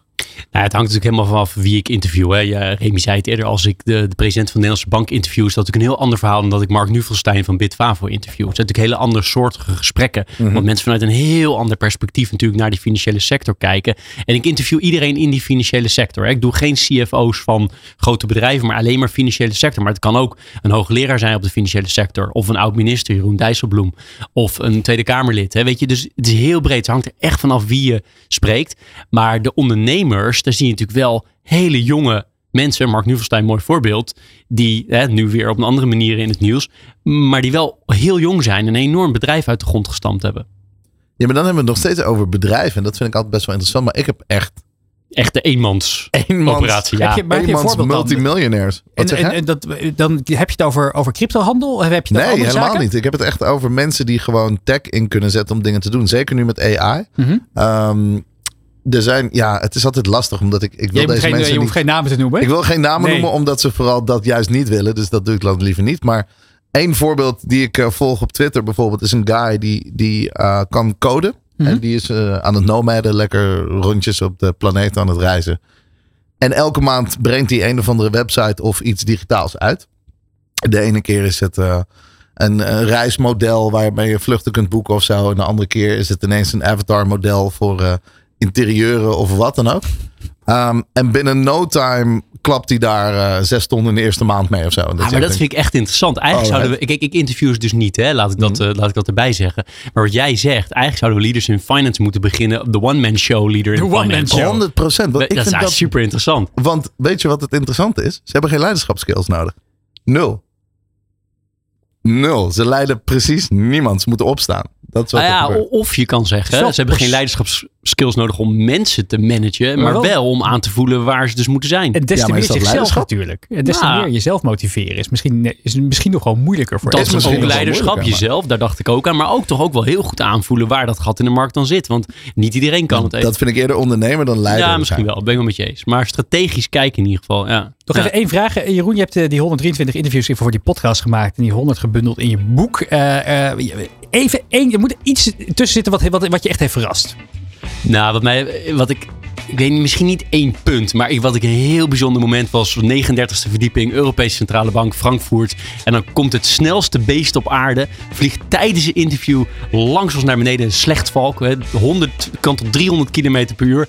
En in dat interview hebben we het er dan ook over. En daarna hebben we het erover met de bestuurder van de Europese Centrale Bank. Daar moest ik even aan denken. Maar het komt zo op. Nou, voor de komende serie en je tweede boek. Uh, ja, gunnen we van harte dat je dat gesprek op, uh, op uh, Paleis Noordeinde of elders mag voeren met de koningin. 100 procent. Als je luistert, regel het. We gaan Tekster, het, sms'er. ja, precies, Slide de DM. like en subscribe. Jeroen, ontzettend bedankt voor, voor je komst. we gaan je boek met heel veel plezier lezen. Mooie tekst ook op de voorkant. Dank je wel daarvoor. Het eerste uur zit er weer op. Blijf kijken en luisteren naar het tweede uur. Want dan praten we onder meer met de directie van Kia Nederland. Ze bestaan 30 jaar. We hebben het over een duurzaam postalternatief. Ja, dat is bijzonder. Daar gaan we het over hebben. We hebben ook natuurlijk Ron Simpson er nog steeds. Data Dinsdag, Job van den Berg. En sluiten we af met Nico Dijkshoorn. Mis het niet. Tot zometeen. Van arbeidsmarkt tot groeikansen.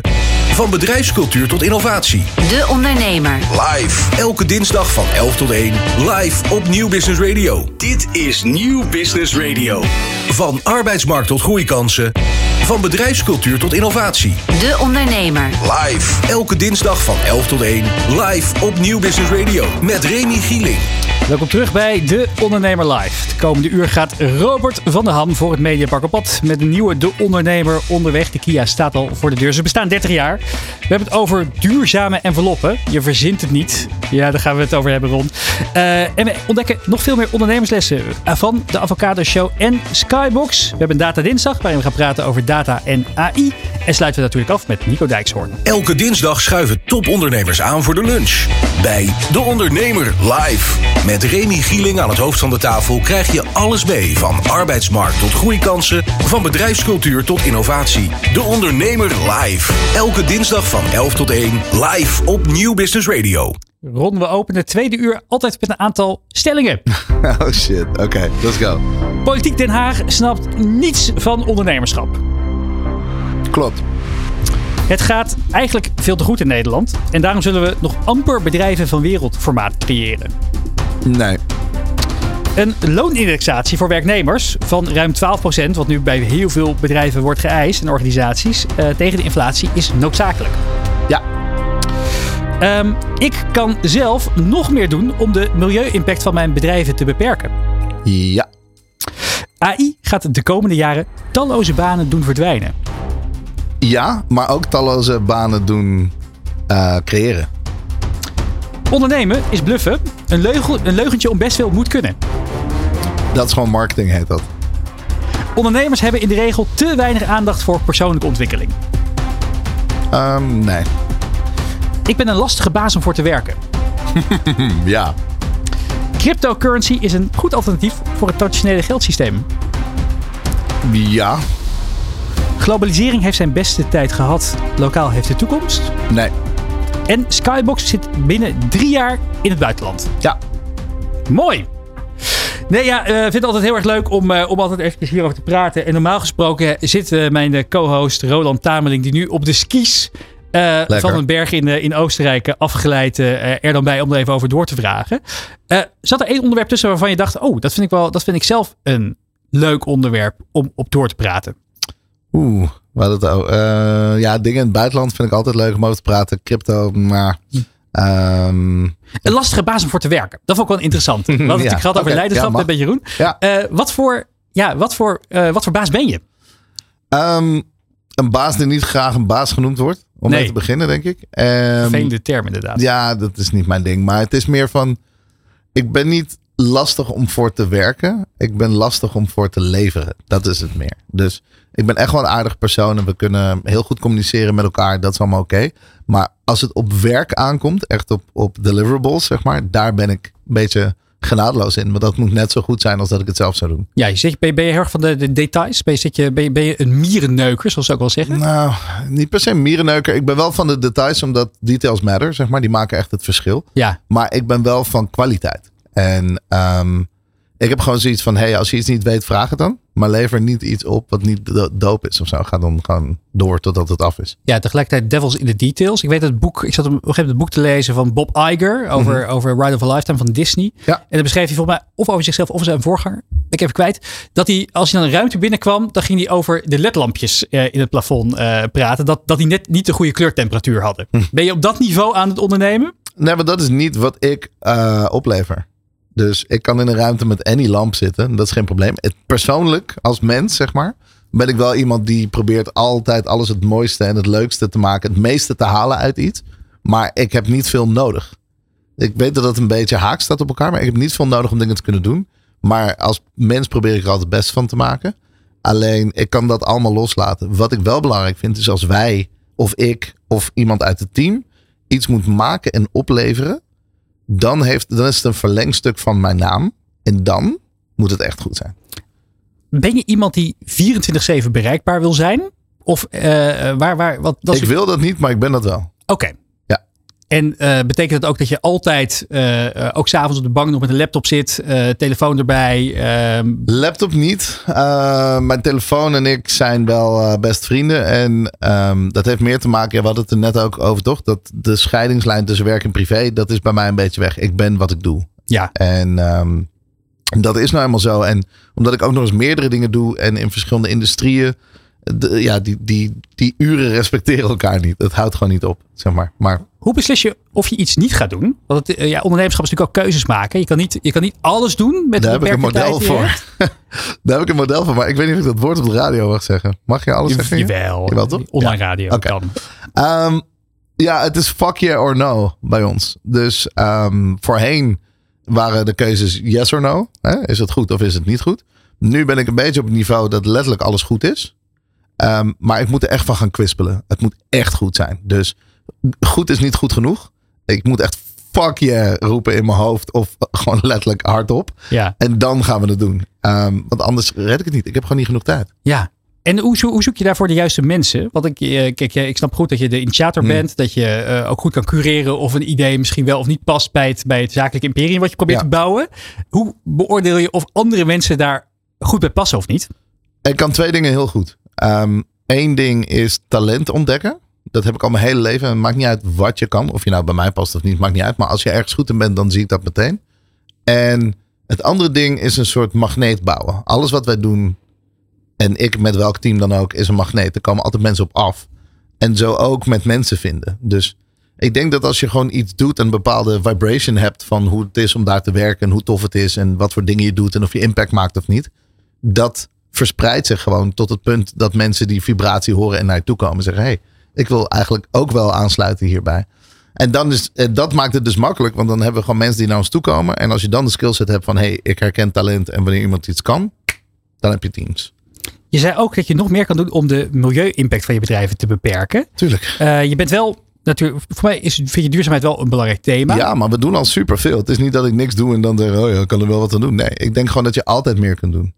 Ik denk dat er altijd hele kleine, simpele dingen zijn die je kunt verbeteren, eh, automatiseren. eh, minder post gaan we het zo meteen waarschijnlijk nog even over hebben. Of beter omgaan met van alles. Wij zijn altijd bezig met waste en met travel en met weet ik het wat. Maar er zijn zoveel punten waarop je naar, naar duurzaamheid kunt kijken. En ik denk gewoon dat het vanaf mijn generatie ongeveer niet eens een discussie is, maar gewoon een cornerstone van wat wij willen bereiken. Ja, je, je wilt ook nog allemaal een beetje leuk doorgeven natuurlijk ja uiteindelijk. je, wil, je wil toffe dingen doen, maar dan wel goed. Weet je wel? En ehm, ik vind dat belangrijk. En sommige mensen vinden het zo belangrijk dat het voorop moet. Hè? Van ik ga Ja. goed doen en dan doe ik de rest.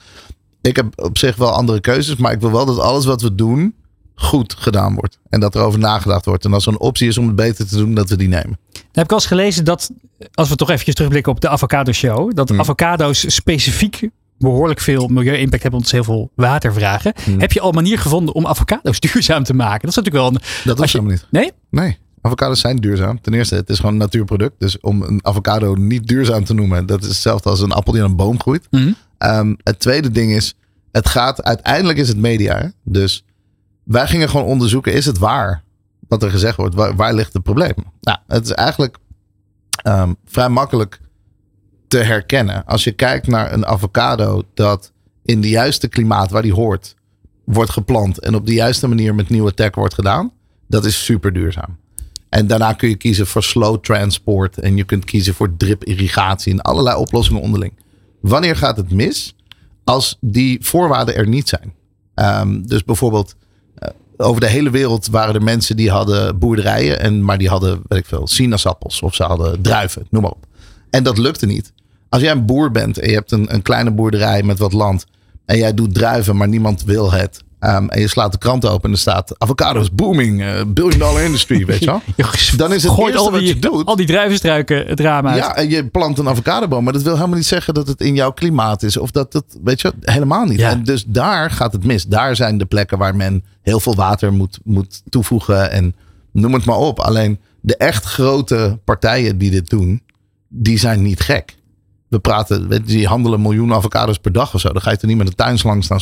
Dat is niet hoe het werkt. Dus ik denk dat in, we hoeven er zeker niet uit te vinden hoe je een avocado duurzaam maakt. Want dat is het in principe al. We moeten uitzoeken hoe we iets kunnen doen aan alle mensen die het niet duurzaam doen. Kunnen we die helpen of moeten we die een andere industrie in helpen? Of wat is, wat is daar de oplossing van?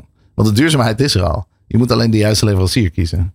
Hoe kijk je naar internationaal? Want dat vond je een leuk thema, zei je. Dat ehm, eh, jullie zijn betrekkelijk snel ook met de Avocado Show naar verschillende steden geweest. Ik liep, eh, een tijdje terug in Parijs. Kom je een keer de Avocado Show daar tegen? Ja, Londen, ja. volgens mij. eh, Parijs, Londen, Madrid, Brussel, Stuttgart, Leidschendam. ook, een Lekker. ontzettend, ook, ook een ontzettend goede motivatie, denk ik, om af en toe een stedentripje te maken. Zeker. Ehm, heel veel ondernemers wachten best wel lang met een stap naar het buitenland maken. Zeker als het gaat over fysieke concepten. Ja. Verbaast je dat? Nee.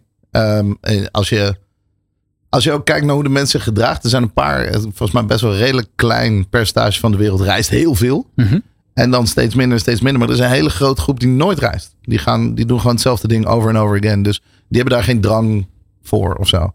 En dat is oké. Ik denk dat in het buitenland werken kost extra tijd, extra geld, extra dingen. Dus dat moet dan ook extra plezier opleveren. En extra voldoening in, in wat je als persoon voelt. Ik heb dat. Ik hou van de wereld. Ik wil de hele wereld zien. Ik wil verbonden zijn. Ik wil alle hun eten eten. Ik wil al die dingen, weet je wel. Dus voor mij is het echt een toegevoegde waarde. Als iemand tegen mij zegt, hey, we gaan naar een ander land. Dan denk ik, ja, absoluut, yes. Meer, meer cultuur, meer leren, meer whatever. Andere mensen zien het als hoofdpijn. Ik zie het als fantastisch. En ik vind vooral, ik hou van ideeën verzinnen die grenzeloos zijn. Dus zou dit werken in een ander land, is absoluut iets wat bij elk idee voor vakje naar boven moet komen, zeg maar. Is het eh, concept geschikt voor alle landen? Ja, Ben je nog niks tegengekomen dat je dacht, oh ja, verdorie. Het, het was hier wel even wat harder werken dan, eh, dan, dan, dan elders. Of is het zo Oh, bedoel je universeel? Ja, precies. Uh, Avocado Show is, denk ik, nee, is niet geschikt voor alle landen. Sorry, daar kom ik op terug. Nee, ehm, ik denk dat het heeft met eetpatronen te maken. Dat is één. Het heeft met uitgavenpatronen te maken. Dat is twee. En het heeft met eh, supply chain te maken. Dat is drie. Dus bijvoorbeeld, we hadden in, in het Midden-Oosten een uitdaging, omdat het gewoon een zandbak is waar alles de hele tijd ingevlogen wordt. Nou, dat strijkt met, tegen ons duurzaamheidsbeleid. dus dat kunnen we niet doen. Eh, dat is één. Of een ander land waar gewoon 0% penetratie in de markt is voor avocado's. Versus Zuid-Amerika waar 80% is. Ja, no-brainer. Weet je wel? Dus ik denk dat nog niet alle landen daar zijn. Ik denk wel dat het goed zou zijn voor elk mens om een beter dieet te eten. Zometeen gaan we verder praten ook over de internationale ambities van onder meer Skybox. Maar eerst de ondernemer onderweg. Dit programma opent samen met MKB Brandstof de oplossingen naar duurzaam onderweg. Kia bestaat eh, 30 jaar in Nederland. Eh, juist vorig jaar passeerde het Koreaanse merk Toyota en Volkswagen op de ranglijst. En werd het de best verkochte automerk van Nederland. Ook daarom is Leon Verstoep de gast in De Ondernemer Onderweg, de CEO van Kia Nederland. En Robert van Ham, staat voor de deur. En zo is het Remy, want het is inderdaad feest. In ieder geval feest in Breukelen. Kia 30 jaar.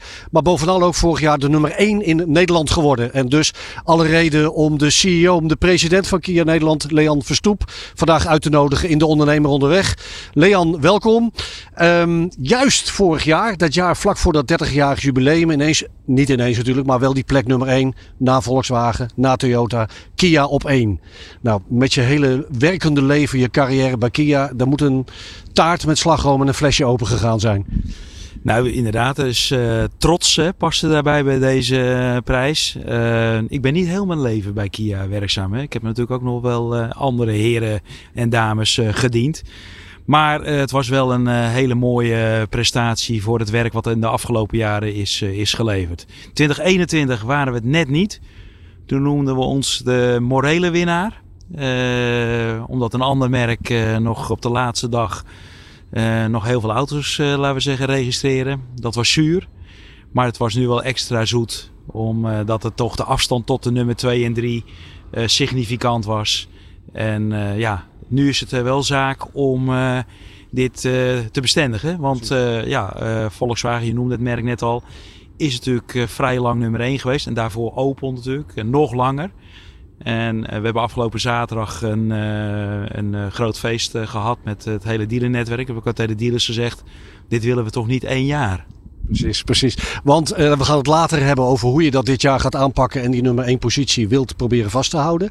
Uh, even terug in 1993, het was de CPA. Hebben we nog even gezocht, ook in de archieven van de ja. collega's van Autoweek, waar ooit Nederland mee werd. Nou, veroverd is wat sterk uitgedrukt. Maar heb je dat model nog op je netvlies, die CPA? Nou, ik heb sterker nog, toen wij, uh, ik werk bij Kia sinds 2012 en in 2013 waren we 20 jaar in Nederland. En toen ben ik met een Zevia het podium podium opgereden en, uh, van een dealer. En uh, toen zei ik tegen een collega bij ons intern, zo'n auto wil ik eigenlijk ook hebben.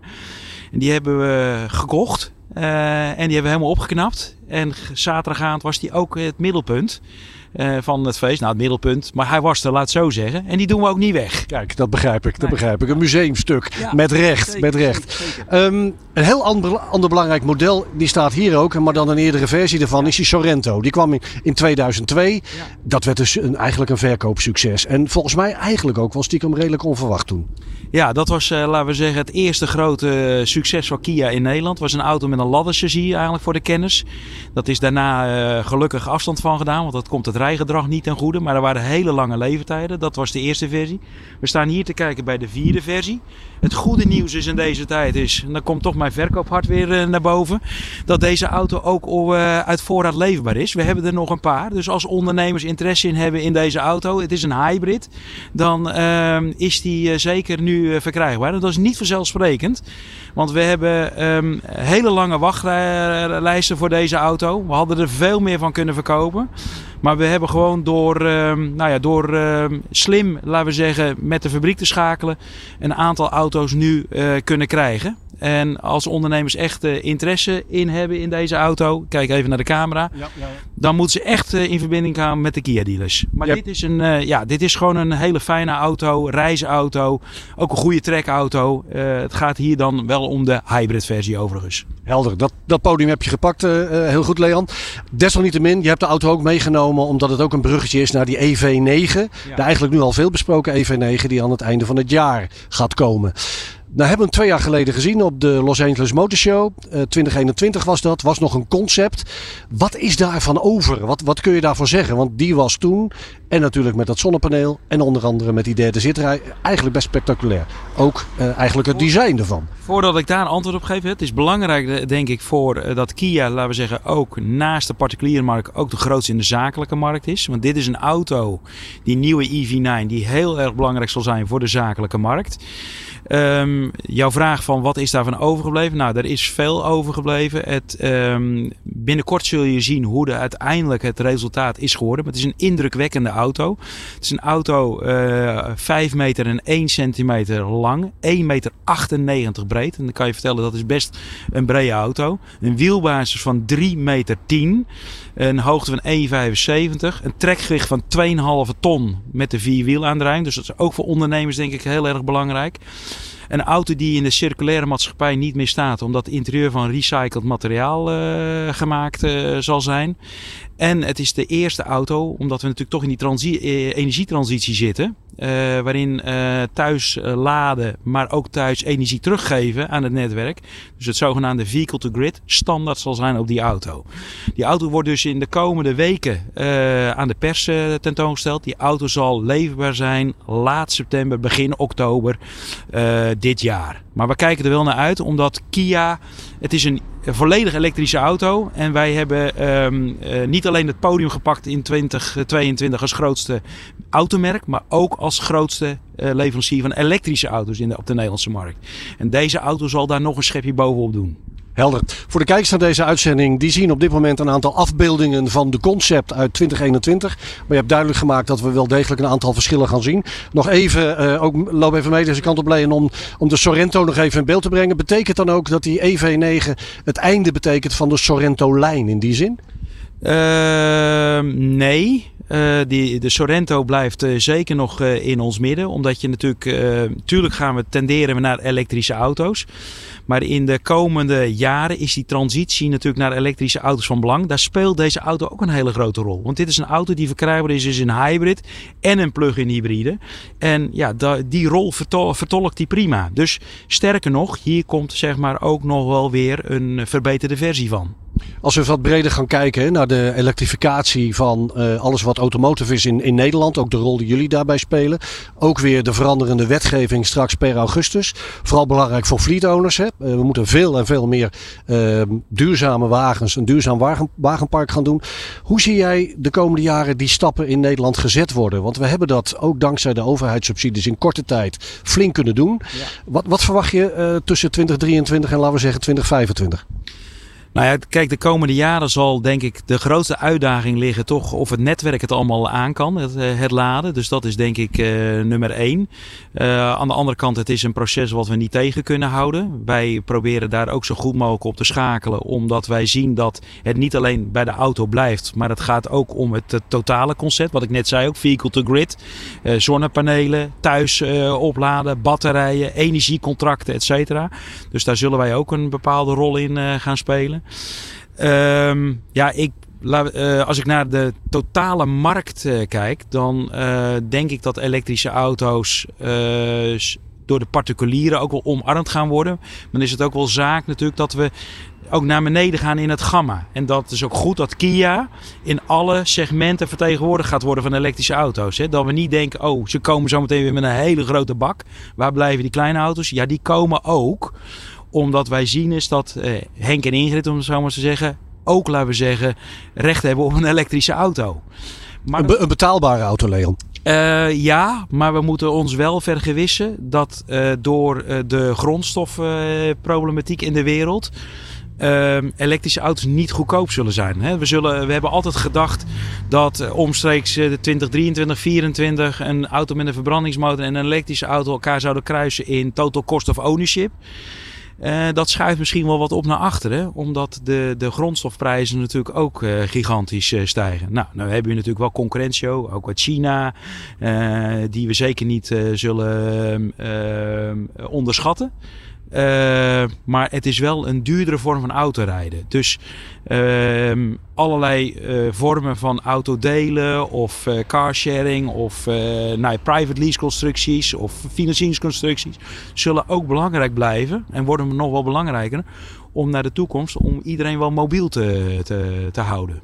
Nou zijn jullie ook, met name jullie de afgelopen jaren, erg onderscheidend geweest in design. En die EV9 die, die belooft ook weer heel veel goeds.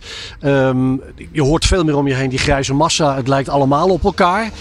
In hoeverre blijft Kia daar juist ook op inzetten om ook uh, los van al die andere aankoopargumenten om inderdaad naar merk AFB te willen, dat design zo onder uh, de vergrootglas blijven laten leggen? Ja, Kia heeft inderdaad eh, onderscheidend design gehad door Pieter Schrijder afgelopen jaar. We hebben natuurlijk nu Karim Habib eh, als eh, chef designer, ooit afkomstig van, van BMW gekomen. Ik durf te stellen dat met de, de nieuwe Sportage, maar ook de nieuwe Niro, dat er een nieuwe designstrategie is ingezet. Ook de EV6. Ja, goed, mensen hebben net eh, kunnen zien hoe die EV9 eruit ziet. Nou zal dat wel eh, in de praktijk toch wel iets anders er nog uitzien. Maar grote lijnen eh, komt dat er wel over neer. Ja, ik denk dat dat wel onderscheidend eh, design is. Of iedereen dat leuk vindt is weer een tweede. Maar ik denk wel dat wij onderscheidend zijn. Deze auto is ook onderscheidend. Maar als je kijkt naar eh, de, de C-stijl, dan is dat wel een kenmerk van de Sorento. Dus het is wel belangrijk om de filosofie van Kia wel overeind te houden en herkenbaar te houden. Dan de Pi- Picanto. Over design en tijdloos gesproken. Voor eeuwig op, op, op één. Nog steeds bij jullie natuurlijk ook nog steeds het best verkochte model. Hoe, hoe lang kan dat nog? Die Picanto A-segment met ook heel veel concurrentie. Maar toch. Ja, de Picanto was afgelopen jaar weer inderdaad het best verkochte model. Daarvoor was natuurlijk de Niro in 2020 en 2021 best verkochte auto van Nederland. Maar goed, we hebben een modelwissel eh, gehad in 2022 met eh, de Niro. Dus dat ging eh, niet. Maar ze zaten wel heel close eh, finish. De fabrikant heeft gezegd dat eh, betaalbare mobiliteit belangrijk is. Dus wij blijven eh, zeker nog in lengte van jaren in het A-segment eh, aanwezig. Dat zien we ook, hè, dat de vraag vanuit de zakelijke markt gigantisch is naar deze auto. Ook de zogenaamde work agencies, die mensen moeten vervoeren van A naar B. Nou ja, dan komen ze toch al heel snel ook weer bij ons uit. Wij kunnen niet alles leveren, maar we doen wel ons best om zo groot mogelijke eh, hoeveelheden te krijgen. Deze auto blijft in lengte nog van jaren in ons gamma, want deze auto wordt zelfs Euro 7 proof. En dat is vanaf 1 januari 25 het, eh, het geval. Eh, dus er wordt nog geïnvesteerd in de Picanto om hem de komende jaren in onze line-up te, te houden. En sterker nog, hij krijgt ook nog een behoorlijke makeover eh einde van dit jaar, begin volgend jaar. Kijk, kijk. Leon, je vertelde net al, eigenlijk je- bent je hele werkende leven in de automotive werkzaam. Laatste jaar bij Kia inmiddels ook de CEO-president van Kia Nederland. Daarvoor was je de managing director. Toen je begon was je eh, de baas van een automerk, nu van een mobiliteitsprovider. Ik heb je dat woord zelf ook horen gebruiken. Dat hadden we, nou laten we zeggen, een paar, paar jaar, een jaar of dertig geleden ook nog durven denken. Mobiliteitsprovider. Misschien voor de kijker en de luisteraar, waar moet ik dan nog meer aan denken? Daarbij alles dan alleen op vier wielen. Nou ja, wat ik net eh, zei, hè, dus het is eh, te maken met eh, die transitie, die energietransitie. Dus thuis alles verzorgen, ontzorgen. De auto als batterij fungeren. De zonnepanelen op het dak. Welke rol kunnen we daarin spelen? Ehm, de energiecontracten die kunnen daar een, rol in spelen. Ja, en ik denk als we heel erg ver naar de toekomst kijken, hoe zit het dan bijvoorbeeld met de, last mile? En hoe gaan we dan om? En kunnen dealers daar een rol in spelen om als hub te fungeren naar, eh, naar, eh, naar het stadscentrum toe? Dus ja, eh, er staat denk ik heel veel nog te gebeuren de komende jaren. Absoluut, het understatement van de dag. Zou ik bijna zeggen, Leon, we kijken uit naar de EV9 eind van het jaar. Ik stel voor, die parkeren we dan hier bij de radiofabriek in Hilversum weer voor de deur. Laten we dat afspreken. Ik kom graag, dat, maar dat weet jij. Bij deze. We gaan terug naar Remy in de studio. MKB Brandstof sponsort dit programma. Omdat veel mooie mogelijkheden voor ondernemers onderweg al gewoon bestaan.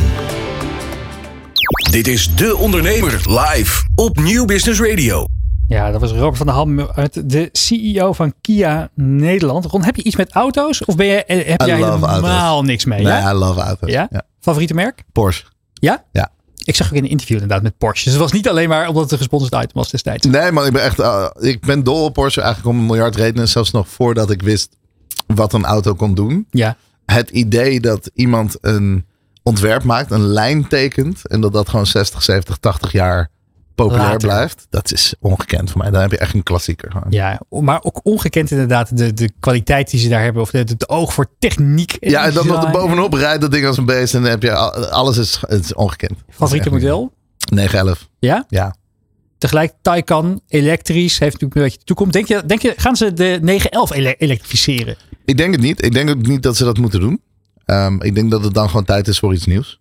Toch? Ja. Het, voor mij voelt het dan een beetje alsof het een soort van water bij de wijn doet of zo. Maar ik denk dat Porsche meer dan in staat is om een nieuwe auto te maken die gewoon net zo interessant wordt als de 911.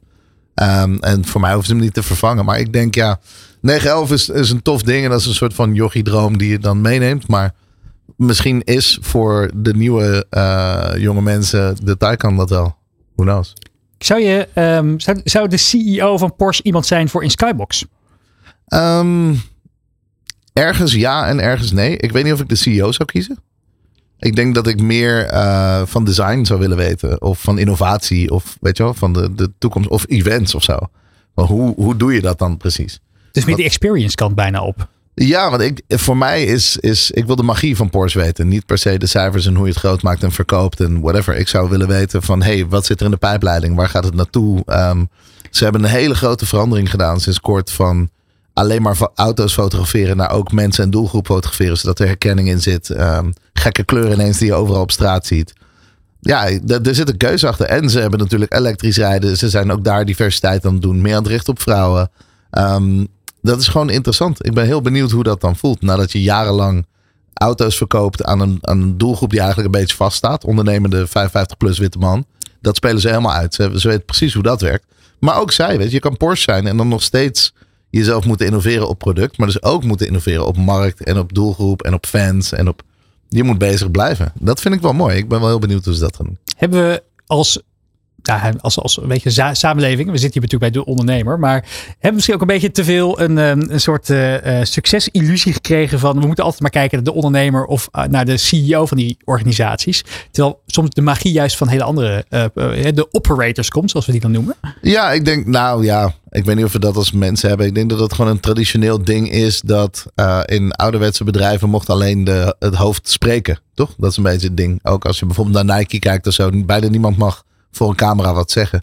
Um, daar is ook wat van te zeggen, want anders krijg je 50.000 spokespersons. Of spokepeople, ik weet niet hoe je het noemt.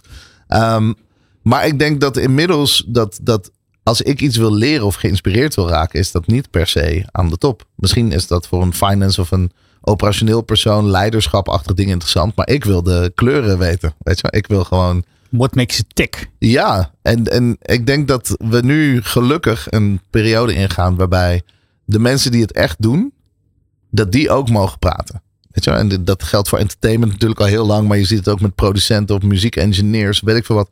Die maken de magie ook, hè? En, uh, en daar krijgen we nu veel meer toegang toe. Dus ja, ik denk dat als je een wereldmerk hebt, dat het niet meer van belang is dat de celebrity dan praat. Ik denk dat het merk groot genoeg is en dat is een beetje wat Skybox doet. Ik zou dan veel liever Head of Innovation uitnodigen.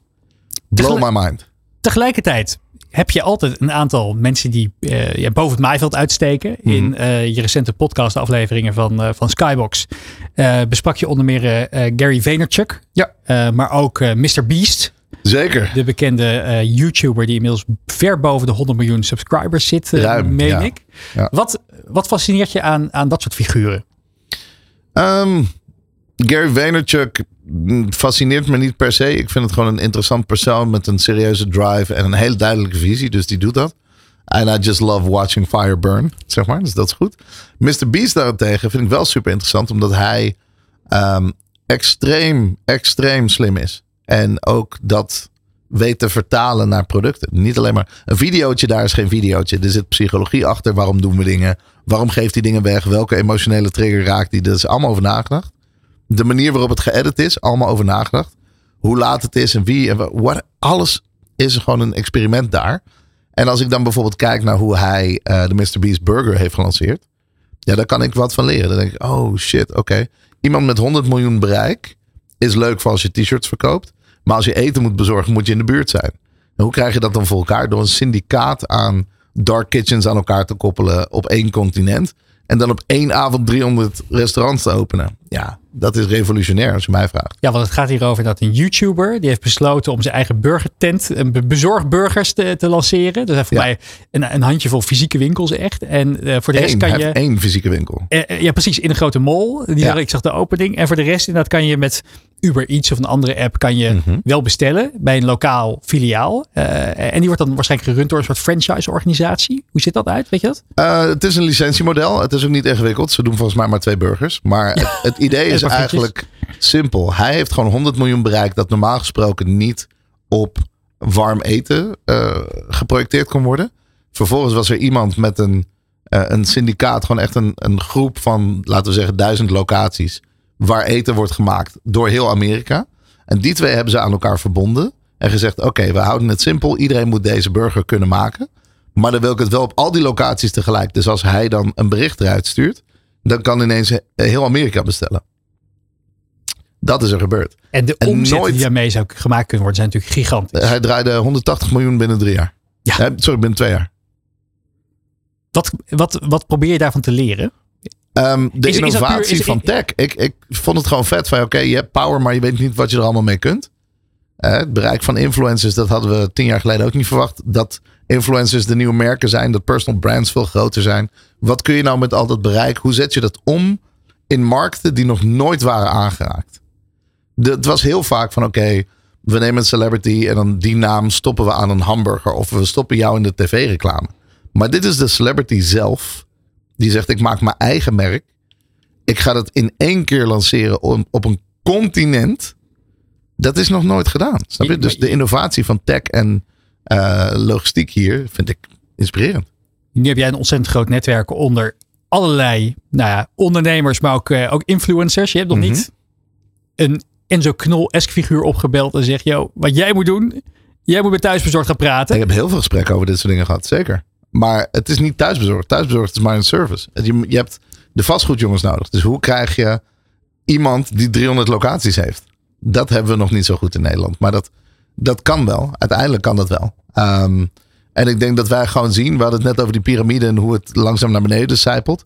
Ja, ik volg en lees alles van de top van de piramide. En soms moet je heel even wachten totdat het hier is. Maar het gaat wel gebeuren. Daarover zometeen meer. Maar eerst gaan we naar, zoals beloofd, de enveloppen. De Ondernemer De Ondernemer live. op Nieuw Business Radio. Ja, je gelooft het niet. Maar jaarlijks worden er circa 2 miljard brieven verstuurd in Nederland. Het is een forse bijdrage aan de papierindustrie die meer uitstoot dan de luchtvaart. Kan je niet geloven toch, Ron? Nee, dat is- wat? 2 Ja, miljard? 2 En we zijn miljard. nog steeds... Nou, doe normaal. Nou, daar is natuurlijk een oplossing voor. Sociale onderneming Greenside komt deze week eh, in de week van de circulaire economie. Dat is namelijk deze week. eh, Met een eh, bijzondere oplossing. Eh, enveloppen gemaakt van cultuurposters. En eh, aan de lijn is Leon Polman, initiatiefnemer. Leon, welkom in de uitzending. Ja, hi. Goedemiddag. Hoe, hoe kwam jij op het thema eh, eh, brieven en enveloppen? Want eh, wij maakten er vanochtend een beetje een grapje over. Maar ja, 2 miljard brieven per jaar. Jeetje, het is echt heel erg veel. Ja, bizar hè. Ik dacht eigenlijk dat alleen mijn oma nog wat brieven verstuurde met kerst. Maar dat blijkt toch nog wat meer, wat meer te zijn. Ja, Nee, vanuit, vanuit Greenside maken wij al langer notitieboeken van oud enkelzijdig gedrukt papier. Dus we zaten al een beetje in de business van papier verzamelen en daar wat nieuws en moois eh, van maken. En toen vorig jaar kregen wij ineens een berichtje van Frans de Jonge in Utrecht. En Frans die wordt in Utrecht ook wel Frans de Plakker genoemd. Keurig. Fra- goeie, Frans mooi, mooie Goeie- naam. Goeie Frans de bijnaam. Plakkel. Frans is, Frans is namelijk degene die eh, alle posters uit de cultuursector in Utrecht, dus denk aan eh, musea, Tivoli Vredenburg, theaters, bioscopen. Eh, hij gaat elke week op zijn fietsje om al die posters te vervangen. En zijn huiskamer die peilde uit met allemaal eh, posters, waarvan hij dacht, nou, kunnen we hier niet nog iets mee? En toen, eh, ja, toen stuurde hij ons een berichtje van, hé, hey, ik zie dat jullie dit doen met die notitieboeken kunnen jullie dan ook niet iets doen met deze posters? Ja, Ron, een, een prachtig voorbeeld van weer kruisbestuiving, toch? En de Zeker. twee mensen uit een totaal andere industrie die samenkomen om iets nieuws te bedenken. Ja, het, het is een beetje het Freitag model, toch? Daar hou ik wel van. Ja, Vroeger had je dus ook allemaal van die eh, ehm, vrachtwagens met van die spandoeken en zo. En daar maken ze al jaar en dag rugzakken van. Het is een beetje hetzelfde Ja. idee. Dus er is ergens een grondstof en we hebben een andere behoefte en we maken het duurzamer. Ja, er is in Groningen ook een start-up die maakt inderdaad van eh, eh, gebruik de overhemden weer boxershorts. Mooie, Ja, mooie, cross, mooie crossovers. Wat ehm, eh, eh, was die week van de circulaire economie? Was dat voor, voor jullie een, ehm, een, een, een ja, hoe, hoe kwam je daarbij terecht, Leon? Ja, kijk, uiteindelijk met dit soort eh, initiatieven, eh, net als eh, rugzakken van oude banners, eh boxershorts van de oude overhemden. Nou, dat, je wil wel dat het onder de aandacht brengt, zodat je uiteindelijk het verhaal erachter ook kan vertellen. En de Week van de Circulaire Economie is bij uit, uitstek natuurlijk een week waarin je de kans krijgt om ook het verhaal te vertellen. En ook vooral waarin je kan laten zien wat er allemaal nog mogelijk is met materiaal wat anderen zien als afval. Dus normaal zie je die posters op dat papier en dan ja, denken mensen, oh, nou, het recyclingsproces in, eh, dan, dan doe ik het goed. Maar dat heeft dus nog heel veel waarde. En dat willen wij deze week en in het algemeen laten zien dat dit soort materiaal gewoon nog heel veel waarde heeft en nog een tweede leven kan krijgen in de vorm van dus bijvoorbeeld kleurrijke en unieke enveloppen. Ik zit even op de site te kijken op green-site.nl slash duurzame-enveloppen. Ik laat eh, Ron even meekijken. Ze zien er inderdaad heel uniek uit. Dat is, dat is gelijk een groot voordeel. Mooi visitekaartje. Als je een beetje, eh, als je een uniek voor de dag wil komen bij ja, degene naar wie je klanten, uh, ja, naar wie je nog post verstuurt. Hmm. Heb je een beetje in kaart wie überhaupt nog post versturen anno 2023? De overheid. De overheid, ja. We Belastingdienst. eh, gaan binnenkort een, eh, ook een pilot beginnen met de gemeente Wageningen. Eh, die gaan beginnen met een paar duizend eh, enveloppen eh, waar we ook hun huisstijl en dergelijke op, eh, op bedrukken. Dus dat, is, eh, dat zijn partijen, dus gemeenten, provincies, nou ja, de Belastingdienst natuurlijk. Maar ook grote non-profit organisaties. Is, sturen ook nog heel veel eh, post naar hun donateurs. En eh, die doen toch nog heel veel aan direct mailing. Omdat het blijkt dat het gewoon een hele effectieve methode is om aan nieuwe donateurs te komen. Dus dat zijn wel belangrijke ja, Even, mag potentiële een markten ons. tussendoor stellen? Sorry? Dus, mag ik even een vraagje tussendoor stellen? Dus jullie nemen Ja, de posters en dan maak je dan een, eh, een duurzame envelop van. En dan vind je een, een gemeente die dat wil doen. En dan gaan we ze weer bedrukken. Is Ja. dat dan de meest duurzame oplossing? Of moeten we gewoon enveloppen maken van die dingen die er al zijn en daar gewoon post in stoppen? Ja, het, het liefst. Kijk, we maken eigenlijk twee varianten. Dus we hebben, als je het zie je ook op de website. ehm, of we doen de posterkant aan de buitenkant. Dus dan Mhm. zie je gewoon, elke envelop is anders net welke poster we hebben ingezameld. Superleuk, love it. Maar in het sorteerproces houden we ook de posters met een witte achterkant eh, apart. En op die witte kant kunnen we dan wel bedrukken. En wat we tot nu toe hebben meegekregen is dat veel partijen het nog spannend vinden om elke envelop een andere eh, kleur of afbeelding te hebben. En dat ze het toch wel heel fijn vinden om ook hun eigen huisstijl erop te kunnen laten bedrukken. Dus dan de binnenkant gewoon poster en anders, maar de buitenkant is gewoon wit en bedrukt met logo en dergelijke. En dat is dan in ieder geval een eerste stap om partijen over te laten stappen. Ja, ik. en wat minder Verandering is spannend altijd moeilijk. eh, is dan als alles anders is. Nou ja, zeker inderdaad bij overheidsorganisaties die natuurlijk graag binnen de lijntjes eh, willen kleuren. Ik kan me ook wel voorstellen dat als je inderdaad een toch een iets wat not suitable for work poster op de deurmat ontvangt van de gemeente. Utrecht. Alsjeblieft. Ja. Doe het eens een keer. Dat er een paar boomers zijn die dan eh, aan, de, aan de bel gaan trekken. Maar wellicht moeten we daar gewoon inderdaad met z'n allen overheen stappen. Zijn Ja, dit nou... lijkt mij eh, ook wel mooi. Ja, ik teken ervoor. Misschien kunnen we een petitie starten hierover. Zijn, zijn die Ja. enveloppen nou... Ja, eh, even het businessmodel. eh, hoe, hoe zit dat in elkaar? Wat, hoe, wat, hoe verhoudt de, de kosten zich tot een traditionele envelop? Eh, nou, op het moment kunnen we nog niet eh, concurreren met partijen die echt voor een half miljoen eh, aan enveloppen in één, keer, in één keer inkopen. Maar tot in de begin van de tienduizenden zijn we in ieder geval wel competitief aan prijs. Natuurlijk kost het ietsje meer, want naast het verzamelen van de posters doen, werken we ook samen met de sociale werkplaats om de posters te sorteren op kleur en op dikte. Dus dat proces is gewoon iets arbeidsintensiever bij ons. Dus da- daarbij kost het ook iets meer. Maar we zijn wel competitief genoeg om volumes te kunnen leveren. En niet dat het een niche productje in een leuk eh, boutiquezaakje blijft eh, in de stad. Wat is nou de absolute droomklant? Als je er eentje mag kiezen, wie zou je het liefst ja, binnen, binnen hengelen met de duurzame poster-enveloppen? Belastingdienst. Nou, onze droomklant hebben we in het klein eigenlijk al gehad. Afgelopen kerst met duizend envelopjes voor het Prins Bernhard Cultuurfonds. Maar die hopen we eigenlijk heel hun, al hun brieven die ze versturen, hopen wij te kunnen verzorgen voor het Cultuurfonds. Want daar komt voor mij alles samen. Want zij steunen ook weer de cultuursector, waar de posters vandaan komen. En hebben dan weer donateurs die dat ook mooi vinden en een hart voor de cultuursector hebben. En dan weer brieven en enveloppen kunnen krijgen die daar vandaan komt en daar weer iets mee te maken heeft.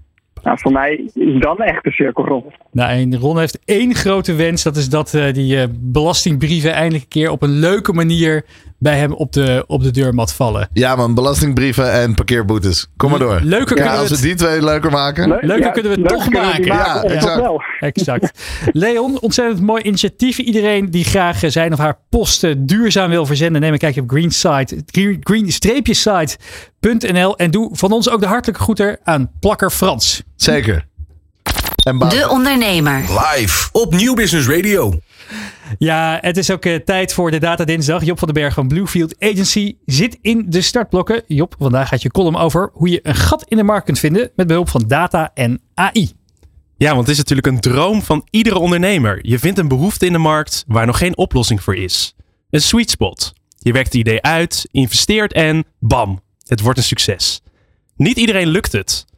Onze co-host Ron Simpson boekt indrukwekkende resultaten met niet één, maar meerdere succesvolle bedrijven tegelijkertijd. Ik ben benieuwd of data en AI hebben geholpen bij het bepalen van de juiste strategie.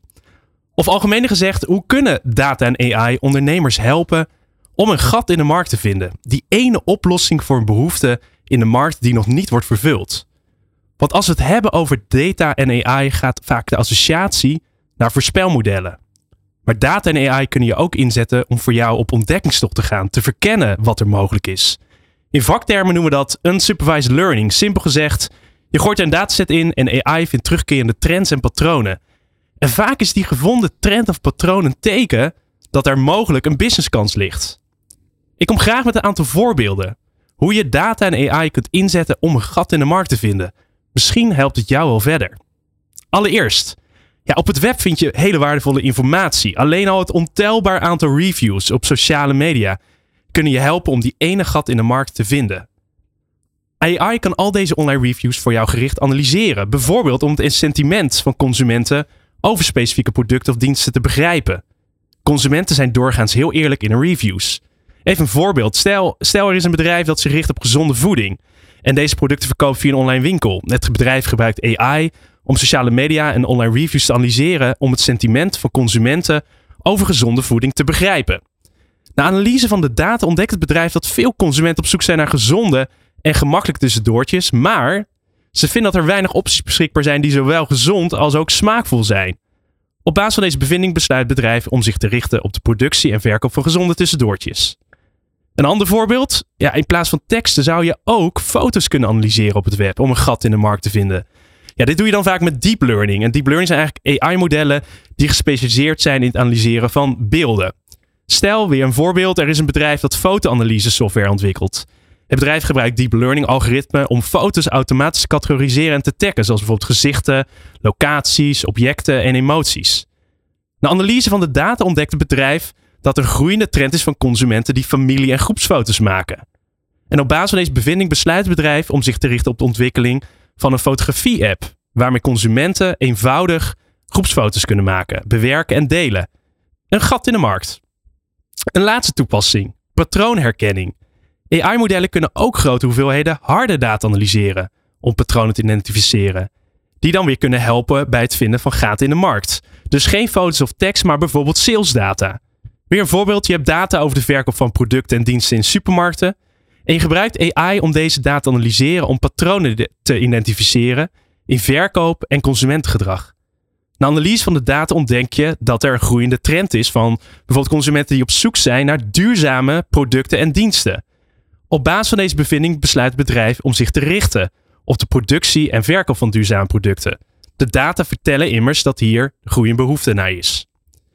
Dus ben je op zoek naar een gat in de markt? Data en AI kunnen je dus zeker verder helpen en jouw idee valideren. Het zijn middelen om informatie te verzamelen die anderen niet hebben. En dat leidt tot een voorsprong in kennis. En als je een kennisvoorsprong hebt, kan een business idee snel geboren zijn. Succes! Dankjewel Job van den Berg van Bluefield Agency. En ik weet, Ron, dat jij ook eh, gefascineerd bent door alle mogelijkheden rondom data, kunstmatige Mm. intelligentie bij al je bedrijven. Zeker. Hoe, eh, eh, hoe ben jij ermee aan het experimenteren geweest en waar zie je het heen gaan? Eén Ehm, ding dat ik vooral heel erg belangrijk vind is gewoon aangelegde intelligentie. Ook AI. Eh, daar begint het gewoon. En ik denk dat, dat de voorbeelden, dankjewel, um, waren interessant. Ik zou graag een, een wat scherpere of diepere versie willen zien. Want bij ons pikken we dit soort dingen wel op. Of dat men duurzamer wil of een gezonde snack of whatever. Dat zijn dan de vernieuwingen. En ik denk dat dat als mens nog wel redelijk makkelijk op te pakken is. Maar dat je daarna AI en data inzet van oké, die echte verdieping. Wat willen ze dan echt? En dan tijd scheelt met, weet ik veel, het lezen van 20.000 reviews. Ehm, daarin ga je de nuance vinden die je daarvoor niet kon vinden. Ik denk dat voor mij is, is data de verdiepingsslag. Het is eigenlijk, kun je als mens best wel goed al trends vinden, maar daarna echt onderzoek, echt bewijzen dingen doen. Dat vind ik interessant. Ehm, ook denk ik dat, nou, we hebben bijvoorbeeld bij Avocado Show iets dat noemen we franchising. Um, die R is geen spelfout, dat die ontbreekt. Dat hoort namelijk zo, omdat de data van avocado consumptie kan iedereen vinden. Wat kost het? Waar wordt het meest gegeten? Waar wordt het meest verkocht? Whatever. Alleen omdat wij uh, iets van 170.000 volgers op Instagram hebben, kunnen we best wel betrouwbare social media data daaruit halen. Waar wordt het meest over ons gesproken? Hoe zien onze fans eruit? Wat is de doelgroep? Katdata, al die dingen. En als je dat dus combineert, dan krijg je ineens algemene data waar je trends uit kunt halen. En een verdieping die uniek is voor jouw dataset. Boom. En dan weet je, oh, we moeten daar open, of we moeten daar open, of we moeten dit doen. Dat vind ik heel erg interessant. Um, en op basis van Skybox ja, zien we eigenlijk gewoon terug. Wij maken best wel brede content, dus we willen van alles en nog wat doen. Maar je kunt wel meteen zien wat slaat aan, wat vindt men interessant, hoe lang blijven ze hangen. De meetbaarheid daarvan leert je gewoon wat je wel of niet moet doen. Want het is zonde van je tijd als je dingen maakt die niemand leest. Of kijkt of whatever. En daar, het is veel leuker om, um, om dingen telkens te verbeteren op een manier dat het ook aanslaat. Dus dat hele ouderwetse model, weet je wel, met wat is een star en wat is een dog en wat is whatever. Dat werkt nog steeds, maar ook op contentniveau op basis van het uitlezen van data. En heb je ook wel eens data in AI gebruikt zeg maar, helemaal om een heel nieuw idee te, te vinden? Want dat voorbeeld wat je net noemde was natuurlijk ook om inderdaad te verbeteren, te optimaliseren. Maar heb je ook mm. helemaal het beginstadium van, zeg maar, van de innovatiefunnel voorbeelden van data en AI nee, ik, ik ben daar veel te creatief voor. Met alle respect. Um, ik, ik heb dat niet nodig. Maar ik denk wel dat het een super goede tool is voor mensen die een zetje kunnen gebruiken of een start. Ja. Vaak. Um, een van mijn favoriete mensen op aarde is, uh, is Frank. Frank de Ruwe, ook wel bekend als Street Art Frankie. Ja. Uh, en dus ook oprichter ooit van um, Natwerk. Zo'n heel tof bureau die allemaal hele rare dingen heeft. Hij zegt gewoon letterlijk, voor hem is het, is het met je met je armen uit elkaar, wijzend naar links en rechts. Een supermarkt inlopen, drie rondjes draaien en dan stoppen. En zo heeft hij ooit, en die twee dingen dan combineren. Zo heeft hij ooit baconhagelslag gemaakt. Um, dus letterlijk bacon, maar dan in de vorm van hagelslag. Dus je krijgt gewoon een pak waar je het uit strooit, zeg maar. Um, omdat dat zijn dan de ouderwetse tools van creativiteit of zo. Om rare combinaties te vinden dat soort dingen snap ik dat niet iedereen dat doet. Maar ik vind het wel leuk dat AI daar 20.000 variaties op kan verzinnen. Misschien zou we het iets vaker moeten doen weer met z'n allen. Ja, 100% man. Ik vind het echt superleuk. Ja. Ook, uh, wat, hoe denk je dat, dat het gaat helpen om de productiviteit van iedereen te, te, een enorme boost te geven? Want we hebben natuurlijk de ontwikkeling rondom ChatGPT gezien recentelijk. Mm. Uh, ik zag gisteren een hele grappige post, vond ik zelf, van ChatGPT, die zelf aangeeft welke, bedrijf, welke banen er in de nabije toekomst volgens het algoritme op de tocht staan. en waarom. En met welke kans die je inschat. Nou, vond ik ook weer een, een, hele leuke. Maar ik denk ook dat het heel veel creativiteit een boost kan geven, inderdaad. Zeker. Omdat je, um, uh, ik ben nu een beetje met, met, met Midjourney, zo'n image generation systeem aan het spelen. Ja, je geeft een paar, paar rare kreten. En wat eruit komt is echt, echt soms fascinerend. Dan denk je, oh ja, je, moet, je, je kunt er wat mee. Ja, er zijn twee dingen die ik super interessant vind aan dit soort AI. Um, de eerste is uh, het inzicht dat het geen banen weghaalt bij slimme mensen, maar domme taken weghaalt. Um, dat is het allerbelangrijkste. Saaie, repetitieve taken die we prima kwijt kunnen. Dat is, weet je, misschien vervallen er dan banen, maar er komen er weer nieuw bij. Dus dat is fijn. En het andere wat ik heel erg interessant vind, is um, het gebrek aan ambacht dat je nodig hebt om te kunnen produceren. Uh, heel veel mensen zijn veel creatiever dan ze denken. Of er zit, of ze kunnen muzikaal nadenken. Of ze zouden bij wijze van spreken wel een idee hebben van wat ze willen schilderen. Maar ze hebben nooit geleerd om te schilderen. Al die soort van basis uh, ambachten en technieken eh, die je normaal gesproken aan moet leren, die halen we weg. Dus ineens kan iedereen muziek maken en iedereen kan beeld creëren en iedereen kan een gedicht prompten in dit geval. Um, waardoor we denk ik heel veel onontdekt uh, talent gaan zien. Want ik denk dat er omstandigheden zijn waardoor je dingen niet kunt leren. Of je bent in de verkeerde plek opgegroeid. Of weet ik veel. Ehm, en nu ineens, eh, ja, je skipt de middleman. Dus je gaat letterlijk van idee iets in je hoofd naar een eindproduct. En daartussenin hoef jij niet zoveel te kunnen. Dat gaat echt voor een onthulling voor. eh, hoe moet ik dat uit? Een onthulling veroorzaken die we nog nooit hebben gezien. Ja, op dit moment- Op een niveau dat je nog nooit. Kun je nog niet eens je kop omheen vouwen. Echt niet. En op dit moment worden er dus al, nou, naar schatting, iets van tussen de 20 en 100 miljoen afbeeldingen per dag gegenereerd. En we staan echt pas aan het begin. Dus ik hoop dat Ja, de wereld om ons heen een stukje mooier en creatiever gaat worden. Job, eh, we hebben beide een ontzettend grote fascinatie voor AI-tooling. Nou, we houden het ergens bij, maar dat kunnen luisteraars wel ergens vinden als ze ons een beetje volgen. Wat ehm, heb je één, één tool waarvan je zegt, ja, dat is wel heel cool. Daar, moeten we, daar, die moet je, daar moet je eventjes naar kijken als ondernemer zijn. Ehm, Hunter kwam ik laatst deze week tegen. En Hunter is een tool. Ja, ik weet niet of iedereen er blij is. Ik moet zelf zeggen dat ik ook twijfels over heb. Maar de, de toepassing is geweldig. Hoe werkt Hunter? Je typt een, eh, een, eh, een eh, webadres in. En die komt eigenlijk met e-mailadressen die gegenereerd zijn. Dus ik kan onder andere van AI.nl van Remy ingevuld. Er komt inderdaad het e-mailadres van Remy bijvoorbeeld uit. Dus eigenlijk Bedoel je. Remy.ai.nl? Ja, Ja, ja precies. Oké, cool. Maar in ieder geval een tool eigenlijk om, om informatie te verzamelen van contactgegevens. Nou, nogmaals, de vraag is of we dat willen. Want dat kan natuurlijk voor de salesmensen onder ons heel veel opleveren. Maar wat ik er mooi aan die tool vind is weer... Ja, eigenlijk een no-brainer. Ja, tuurlijk, die informatie is makkelijk te vinden. En gewoon weer de simpliciteit van je vult het in, een webadres en gelijk komt gelijk alles erin. Maar wat je ook zag is dat je gelijk ook kan zien waar dan die e-mailadressen vandaan komen. Dus ik heb het ook voor mezelf ingevuld. En dan zie je eigenlijk ook een beetje het spoor van jouw e-mailadressen. Die bijvoorbeeld bij artikelen of referenties eerder vandaan zijn gekomen. Dus ik vind het een leuke tool om vooral de simpliciteit er heel mooi terugkomt van eigenlijk een vrij praktisch ding. Het vinden van een e-mailadres mooi, eh, mooi in samenkomt. En weer heel laagdrempelig. Nou, wil jij dus een contactpersoon vinden bij eh, een Unilever of een ander bedrijf? Ben je benieuwd inderdaad hoe je die het beste kan benaderen? En heb je niet zoveel met eh, de GDPR? Neem vooral een kijkje op hunter.io. Job van Berg, hartelijk dank. Wij gaan ondertussen kijken wat onze rasoptimist Nico Dijkshoorn vindt van de Avocado Show en Skybox. Beste ondernemertjes, hoe langer ik u observeer en hoe langer ik naar u luister, des te liever vind ik u. U wilt allemaal zo graag doen wat een ander al heeft gedaan en ik, als leek, denk juist dat inspirerend ondernemen neerkomt op iets doen wat een ander nog niet heeft verzonnen. Om mijzelf ook maar in het verhaal te betrekken. Ik kan natuurlijk binnenkort op deze site aankondigen dat ik vier keer per week gezellig bij mij aan de keukentafel mensen ga leren hoe je een column schrijft. En dat noem ik natuurlijk anders. Dat heb ik dan wel weer van u geleerd. Dat je je eenvoudige idee een volkomen onbegrijpelijke Engelse naam moet geven. Dus als ik een website bouw en ik noem mijn kolonisten schrijfklasje Writing Academy Short Stories International Market Penetrating Writing Skills Convulsion Theater. En ik beloof de cursisten a once in a lifetime opportunity to learn and to think and write at the same moment. Dan vinden die cursisten dat blijkbaar helemaal niet zo erg als ik ze met een vies stuk worteltaar op sta te wachten ergens midden in een woonwijk te leiden. En die verbazing voel ik als ik naar het ondernemersverhaal van Ron Simpson luister. Hoe eerlijk is hij tegen mensen met één oog die naar Skybox komen om hun licht eens op te steken en willen onderzoeken wat er komt kijken bij het opzetten van een brillenzaak? Om het nog iets eenvoudiger te zeggen, en met die vraag worstel ik hier al veel langer.